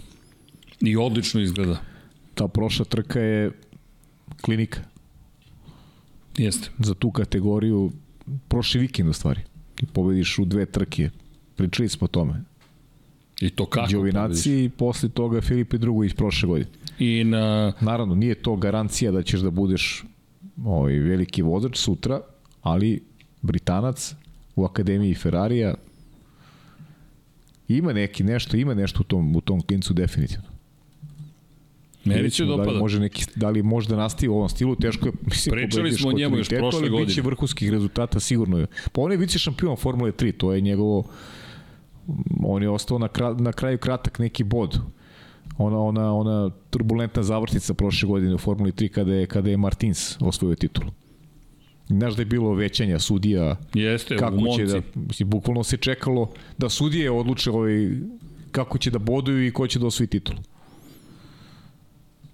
Evo, čitam, upravo pokušavam da, da, da saznam, ali pravo da ti kažem, kada govorimo, hajde, o nekim očekivanjima ko ništa očekuje, nema niko ništa ne može da očekuje. Jednostavno, pa nema šta. Pa kada pogledaš stvari, mi smo u situaciji da zapravo je sve potpuno otvoreno u suštini. I ti kada pogledaš Formulu 2, izvini, još uvijek sam u Monaku, šokiran sam koliko sam loše vozio, ali to ćemo morati da vežbamo. Ja pa mislim da ćemo morati da češće da svraćamo. Pa dobro. Ali to ti samo govori sad, oni nisu dugo vozili, izlazimo u Monako i greške ovde izazivaju brzo crvene zastave, vozila bezbednosti. A to su, naš, mladi momci Monako, misliš koja? Pa? Da, pogotovo to kad imaš to ovaj, kreni stani kad imaš ovaj, trku u smislu sigurnosnog vozila, pa onda se oklade se pneumatici, a ti želiš da budeš agresivan na startu, to je sve podložno greškama, setimo se Bakua, mislim da ćemo gledati ovaj, situacije slične onome u Baku i kažem ti, poruka je moja tebi, spremi se za jedan dugačak vikend jer te prateće serije u Monaku, iskreno, Formula 1, da, ali ove prateće serije, ako znam da izazov vozačima, međutim, trke, trke, da li trke ne obiluju nekim uzbuđenjima, a imamo često prazno hoda, u stvari najmanje imamo trkanje u Monaku. Ma suviše si mi realan, biće nadrealno Više dobre sigurnosnog vozila pa, nego... Ma, ajde, biće nadrealno dobre trke. Znaš šta nas čeka? U Formuli 2 iznenađenja, u Formuli 3 preticanja, neće biti... neće biti onih klasičnih incidenata crvenih Daj zastava. Bož. Ima da dobijemo vikend savršenog trkanja. Niko, niko pa, neće u more, verovatno. Oče, da, niko neće da, u more, verovatno. To je negde u istoriji Formule 1 ostalo je iza za nas, ali, ali pazi sad ovo. Dakle, kada, inače, kada pričamo, Alberto Scari je izleteo yes. s, s, u, u more i preživeo taj incident, bukvalno isplivao u Luci, nažalost par dana kasnije preminuo posle poginuo bukvalno u testiranju Ferrarija u Monci, zato se i Ascari šikane zovu Ascari šikane, bukvalno tu izleteo sa staze, dakle to je to jedna crna epizoda kada je reč o, o Ferrariju generalno kažu da Enzo Ferrari imao pitanje u kakvom stanju je bolid kada se posle tog incidenta, tako da to je baš jedan težak period, ali Askari da, izleteo je upravo u Portijeu smo pričali, samo je nastavio pravo i odvezuj se, izlazi, ispliva i napolje, neverovatne scene, nećemo toga to imati, ali ja ti kažem, bit će dobro trkanje, pri čemu najve meteorologa kažu četvrta kiša, u petak nije, nema kiše, subote nema kiše, nedelje nema kiše. Iako je trenutno, to je u poslednjih par dana, u Monaku potop bio bukvalno. Pa nekada, pre nekih 3, 4, 5 godina, četvrtak bi bio trening, pa bismo da. gledali kišni trening. Znaš da se u Monaku vozilo četvrtkom, subotom i nedeljom. Imali smo te jedan dan pauze. Dobro, smo obradili sve. Ja mislim da smo obradili... Ok, hoćeš ovaj Patreon je posle... Nismo, Formula 3. Čekaj, makar e, da spomenemo momke. Pa da. stani, da. imamo i Formulu 3. Nema, pun vikend, pa jo. Ali samo da napomenem, za one koji vole Formulu 2, nismo ispoštovali na adekvatan način. Samo kratko. Teo Puršer, Frederik Vesti. Ayumu Ivasa, Oliver Berman, Kuš Maini, to je vodećih pet u šampionatu sveta.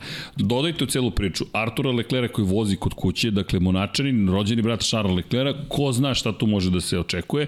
Ralf Boschung, veteran, po, pobedom po to započeo sezonu, malo potonu umeđu vremenu. Enzo Fittipaldi ovde, Zane Maloney, Jack Duan, Richard Verschur, ljudi, ozbiljno su imena, Isa Hadjar, Viktor Martins. Kada pogledaš trkanje je zaista do sada bilo odlično. Denis Hauger ima jednu pobedu ove sezone Norvežanin.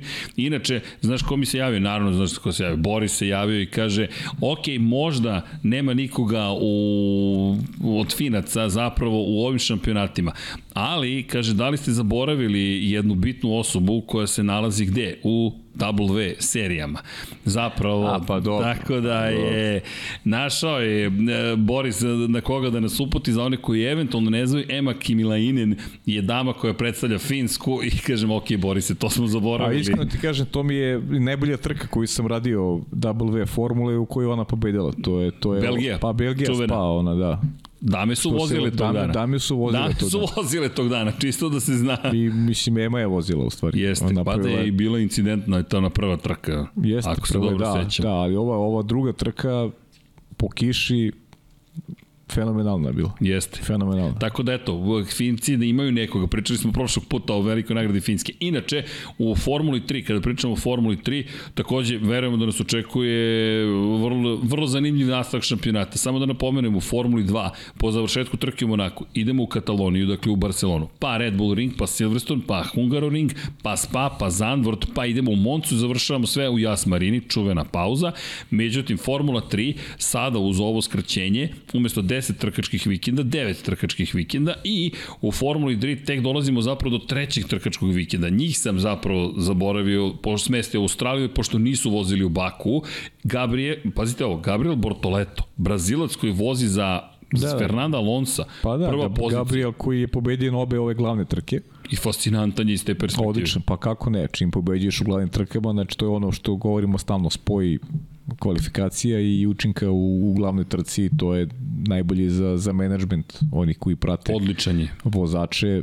Još jedan je to Brazilac koji se pojavljuje nema, nema šta, šta dodati na to. Dve trke ti si pobedio u dve glavne trke. I imao najbrži krug i pol poziciju. Stvari četiri trke pobedio si u dve glavne Tako trke. je. A pritom Gregora, Gregora Sosi 20 pojena za ostatka. To, Sosi je već po, poznat široj javnosti, njega švajcarac, znamo i prošle godine. Švajcarac, da, onako, po, pouzdan je dobar vozač, ali Meni, meni su, eto, te Novajlije su mi i e, Mini i Bartoleto. Čekaj, da. dolazimo do glavnog Novajlije, Dina Beganovića. Da. Dino treći u šampionatu, u prvoj, prvom trkačkom vikendu, četvrti i treći bio na pobjedničkom postoju, pa peti, 13 i sada da vidimo Monaku šta može da uradi. Gabriele Mini, Pep Marti, dakle, Dino Beganović koji predstavlja Švedsku, ali kažem, svojatamo ljude, ima poreklo iz Bosne i Hercegovine, dakle ima priču koja je toliko nekako inspirativna da mi svim srcem navijamo za Dino pa Beganović. Da, da, naravno, ne, nema, nema dileme i i Formula 3 je dobila neku novu dimenziju novim prostorima upravo zbog toga što ima jedan ovaj momak dečkica sa, sa prostora Balkana koji koji ovaj, se takmiči i, i, i dobro vozi, pritom je iz, iz Ferrarijeve akademije. Da sad pričamo o tome šta očekujemo, mislim, potpuno je nezahvalno. Nadamo se da, da će Dino ostvariti dobre rezultati i navijamo za njega, navijaćemo za njega, to je to. I nas se iskreno nadam i verujem da će ove godine doći do pobede. Jer ono što smo videli je negde zrak zrelog vozača koji je tek u debitanskoj sezoni. Meni delovo zrelo zapravo. Dakle, kao neko ko nije baš srljao u nekim situacijama, pa dobro, da. lepo se borio, ali nije srljao. To je makar moj utisak bio. Sad mu treba onaj korak, Ajmo. malo korak više da, da eventualno sa dobrim kvalifikacijama dođi do prve pobede. Nadamo se da, da je Monako to mesto. Pa jo, šta da ti kažem. Nadamo se da nadamo se da je Monako mesto gde ćemo imati punu zabavu, da će nadoknaditi i odsustvo Imola iz kalendara, da ćemo imati uzbudljivo trkanje u Formuli 1, u Formuli 2, u Formuli 3, da ćemo imati lepu priču kada je reč o Porsche Superkupu, to je da ćemo da, sa Ristom, da. Evo, e, da čujemo stiže za 5 minuta i, i da nađe parking, dakle za 55 minuta. Da, verovatno. da, da, realno. Uh, lul, pali lulska pijaca. Dakle, tamo ga uputi, to je to, najbolje i... Pa, mislim da, ako ima mesta. Ima, ako ima mesta, najbolje da tu potraži parking. Sve ostalo će biti vrlo, vrlo napeto. Utopija. Pa jo, ti za, po, manje, za malo više od pola sata ulaziš u program. Pa da, ne, ne, ide, ne, ne idem odmah u program, ali I imaš obavez, za nekih, znam. da, bukvalno za neki sat vremena, ali da stignem nešto i da Da pojedeš? Pa i to da da, da jedeš. Pa, šta Sa mojim režimom ovaj, moram ovaj da malo vodim računa. Na bibliotekarski. Tako je. Dobro, pajče, šta da ti kažem, uvek zadovoljstvo. Tako A, ljudi, mi ćemo sada da odjavimo emisiju, ali zapravo Ne, sad, ću da, sad ćemo mi da vam kažemo da ćemo odjaviti kasnije emisiju, pa će sada da, sad ćemo sada da pričamo sa Ristom, pa ćemo onda ovo odjeva. Tako je. Prva odjeva je e, jedna brza, sad vam kažemo ne čao svima, nego kažemo pa i čao, ali će vas Paja pozdraviti jer ćemo da izmontiramo da se mi sada pozdravljamo kao da je kraj emisije. Kako ti to zvuči? I kao da smo pročitali sve Patreone već. Ne, nemoj da bude, znaš, nisam tu u razgovoru, tako da ovaj... Ali ti si magija. Ja sam se vratio, mislim. Aha. Ja, sam, ja sam se vratio da bi pozdravio ovaj. Cijelu ekipu. Da, da. da, možemo kako god želiš, ali... Znači će razgovor sa Ristom trajati jedno 6 sati. Dođi u live. Da, vrati se u live kao da. Ne mogu 9, Nije, mora, mora čovjek u Monaku. u live. Mora čovjek u Monaku. Mora u Monaku. Dakle da, mislim da će kratko trajati razgovor, ali bit će zadovoljstvo. Pa jo, Znaš da te volim. Takođe. Budi mi dobar Pozdrav i naravno svima. drugari, hoćemo na četvorčicu. Budite dobri, mazite se, pazite se i Ćao, svima. Ćao.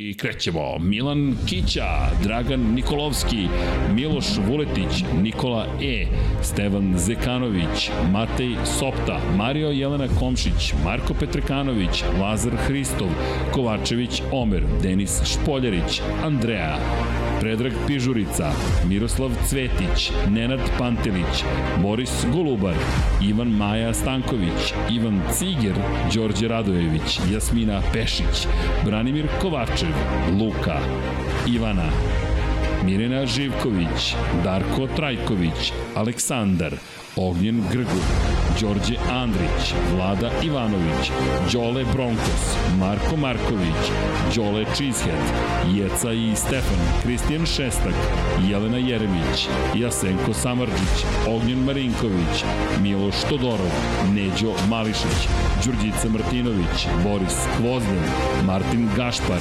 Borislav Jovanović, Salim Okanović, Marin Antunović, Živojin Petković, Aleksandar Mitrović, Daniel Kolobarić, Bojan Markov, Dejan Đokić, Stefan Ličina, Nikola Božinović, Marko Ćurčić, Alen Vuletić, Dušan Ristić, Ferenc Laslofi, Crnogorski džedaj, Ivan Panajotović, Boris Erceg, Sava Dugi, Zoltan Mezeji, Ivica, Anonimus, Donatorus, Bojan Majstorović, Marko Blagojević, Andrija Todorović, Danijela Ilić, Stefan Radosavljević, Ivan, Stefan Dulić, Vukašin Vučenović, Emir Mešić, Stefan Janković, Vučinić Miroslav, Vladimir Stojadinov, Aleksa Vučaj, Strahinja Blagojević, Borislav Vukojević, Bata Brada, Stefan Vidić, Laslo Boroš, Anonimus Donatorus, Milan Paunović, Bahter Abdurmanov, Aleksandar Milosavljević, Aleksa Valter, Saša Ranisavljević, Matija Binotto, Dejan Vojović, Vladan Miladinović, Miloš Rašić, Marko Bogavac, Inzulin 13, Milan, Aleksa Lilić, Matija Rajić, Safet Isljami, Toni Ruščić, Srđan Sivić, Vladimir Jovanović, Novak Tomić, Branislav Kovačević, Zoran Šalamon, Andreja Branković, Stefan Prijović, Petar Relić, Vladimir Filipović, Bojan Mijatović, Aleksandar Bobić, Dragan Matić, Branimir Rijavec, Vladimir Mutić, Dimitrije Mišić, Branislav Milošević, Miloš Banduka, Armin, Vamblisapa, Katarina, Dušan Delić, Nemanja Jeremić, Marko Hork, Vanja Radulović, Marko Mostarac, Nemanja Zagorac, Jelena Mak, Bojan Bogdanović, Ljubo Đurović, Šmele, Mladen Mladenović,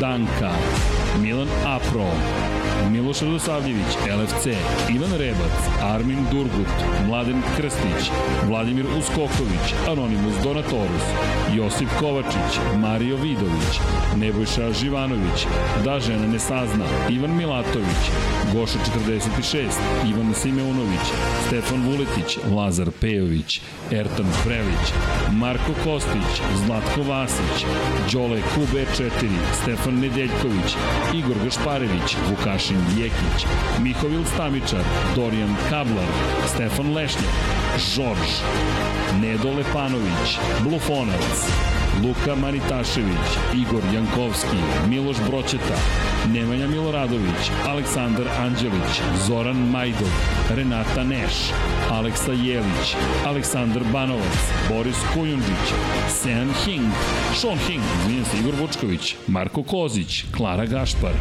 Đerman, Lj. Đurović, Marko Radanović, Pavle Nj, Marina Mihajlović, Vladidov Dave, Branko Bisački, hvala Dave, Optimistic Josh Allen Fan, Gloria Edson, Nikola Marinković, Luka Martinović, Predrag Simić za knjigu Dave, Milan Nešković, Tijana Vidanović, Mirjana Kovačević, Kimi Rajkonen, klub štovatelja Ramona Mireza, Vuk Korać, Ivan Toškov, Stefan Milošević, Dejan Avić, Petar Nujić, Filip, Ante Primorac, Grgo Živaljić, Nedim Drljević, Branislav Marković, Jugoslav Krasnić, Branislav Dević, Monika Erceg, Aleksandar Jurić, Džigi Pao, Nikola Stojanović, Nenad Đorđević, Nemanja Labović, Žarko Milić, Jelena Veljković, Ružica Stefanović, Đorđe Đukić, Benjo KK, Antonio Novak, Mlađan Antić, Damjan Venjanovski,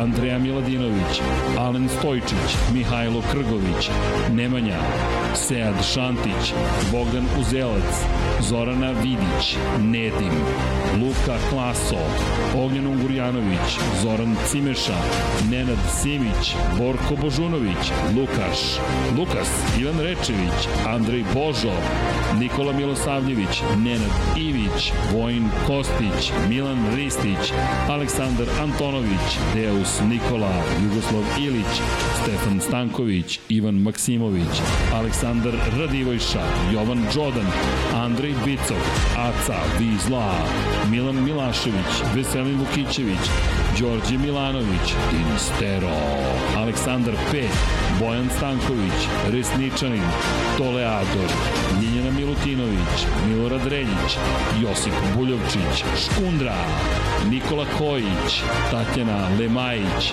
Vladan Miladinović, Marakos, Kosta Berić, Uroš Ćosić, Ivan Vincetić, Miloš Zved, LFC, Ada Sokolović, Marko Bogavac, Oliver Nikolić, Toni Soni 76, Ivana Vesković, Draga Veković, Blagoj Arčevski, Vladimir Subotić, Krorobi 00, Pujo, Mateja Nedanović, Nemanja Miloradović, Bruno Jurić, Ivan Vujasinović, Marina, Nikola Vulović, Nikola Niksi, Jelena Jeremić, Alen Jesenović, Bojan Markov, Milanka Marunić, Omer Sarajlić, Đorđe Janjić, Vojislav Tadić, Ivan Magdelinić, Anonimus Donatorus, Igor Ilić, Goran Mrđenović, Nemanja, Domagoj Kovač, Aleks Vulović, Nikola Grđan, Đera 7, Nikola Petrović, Pavle Lukić, Vuk, Srđan Ćirić,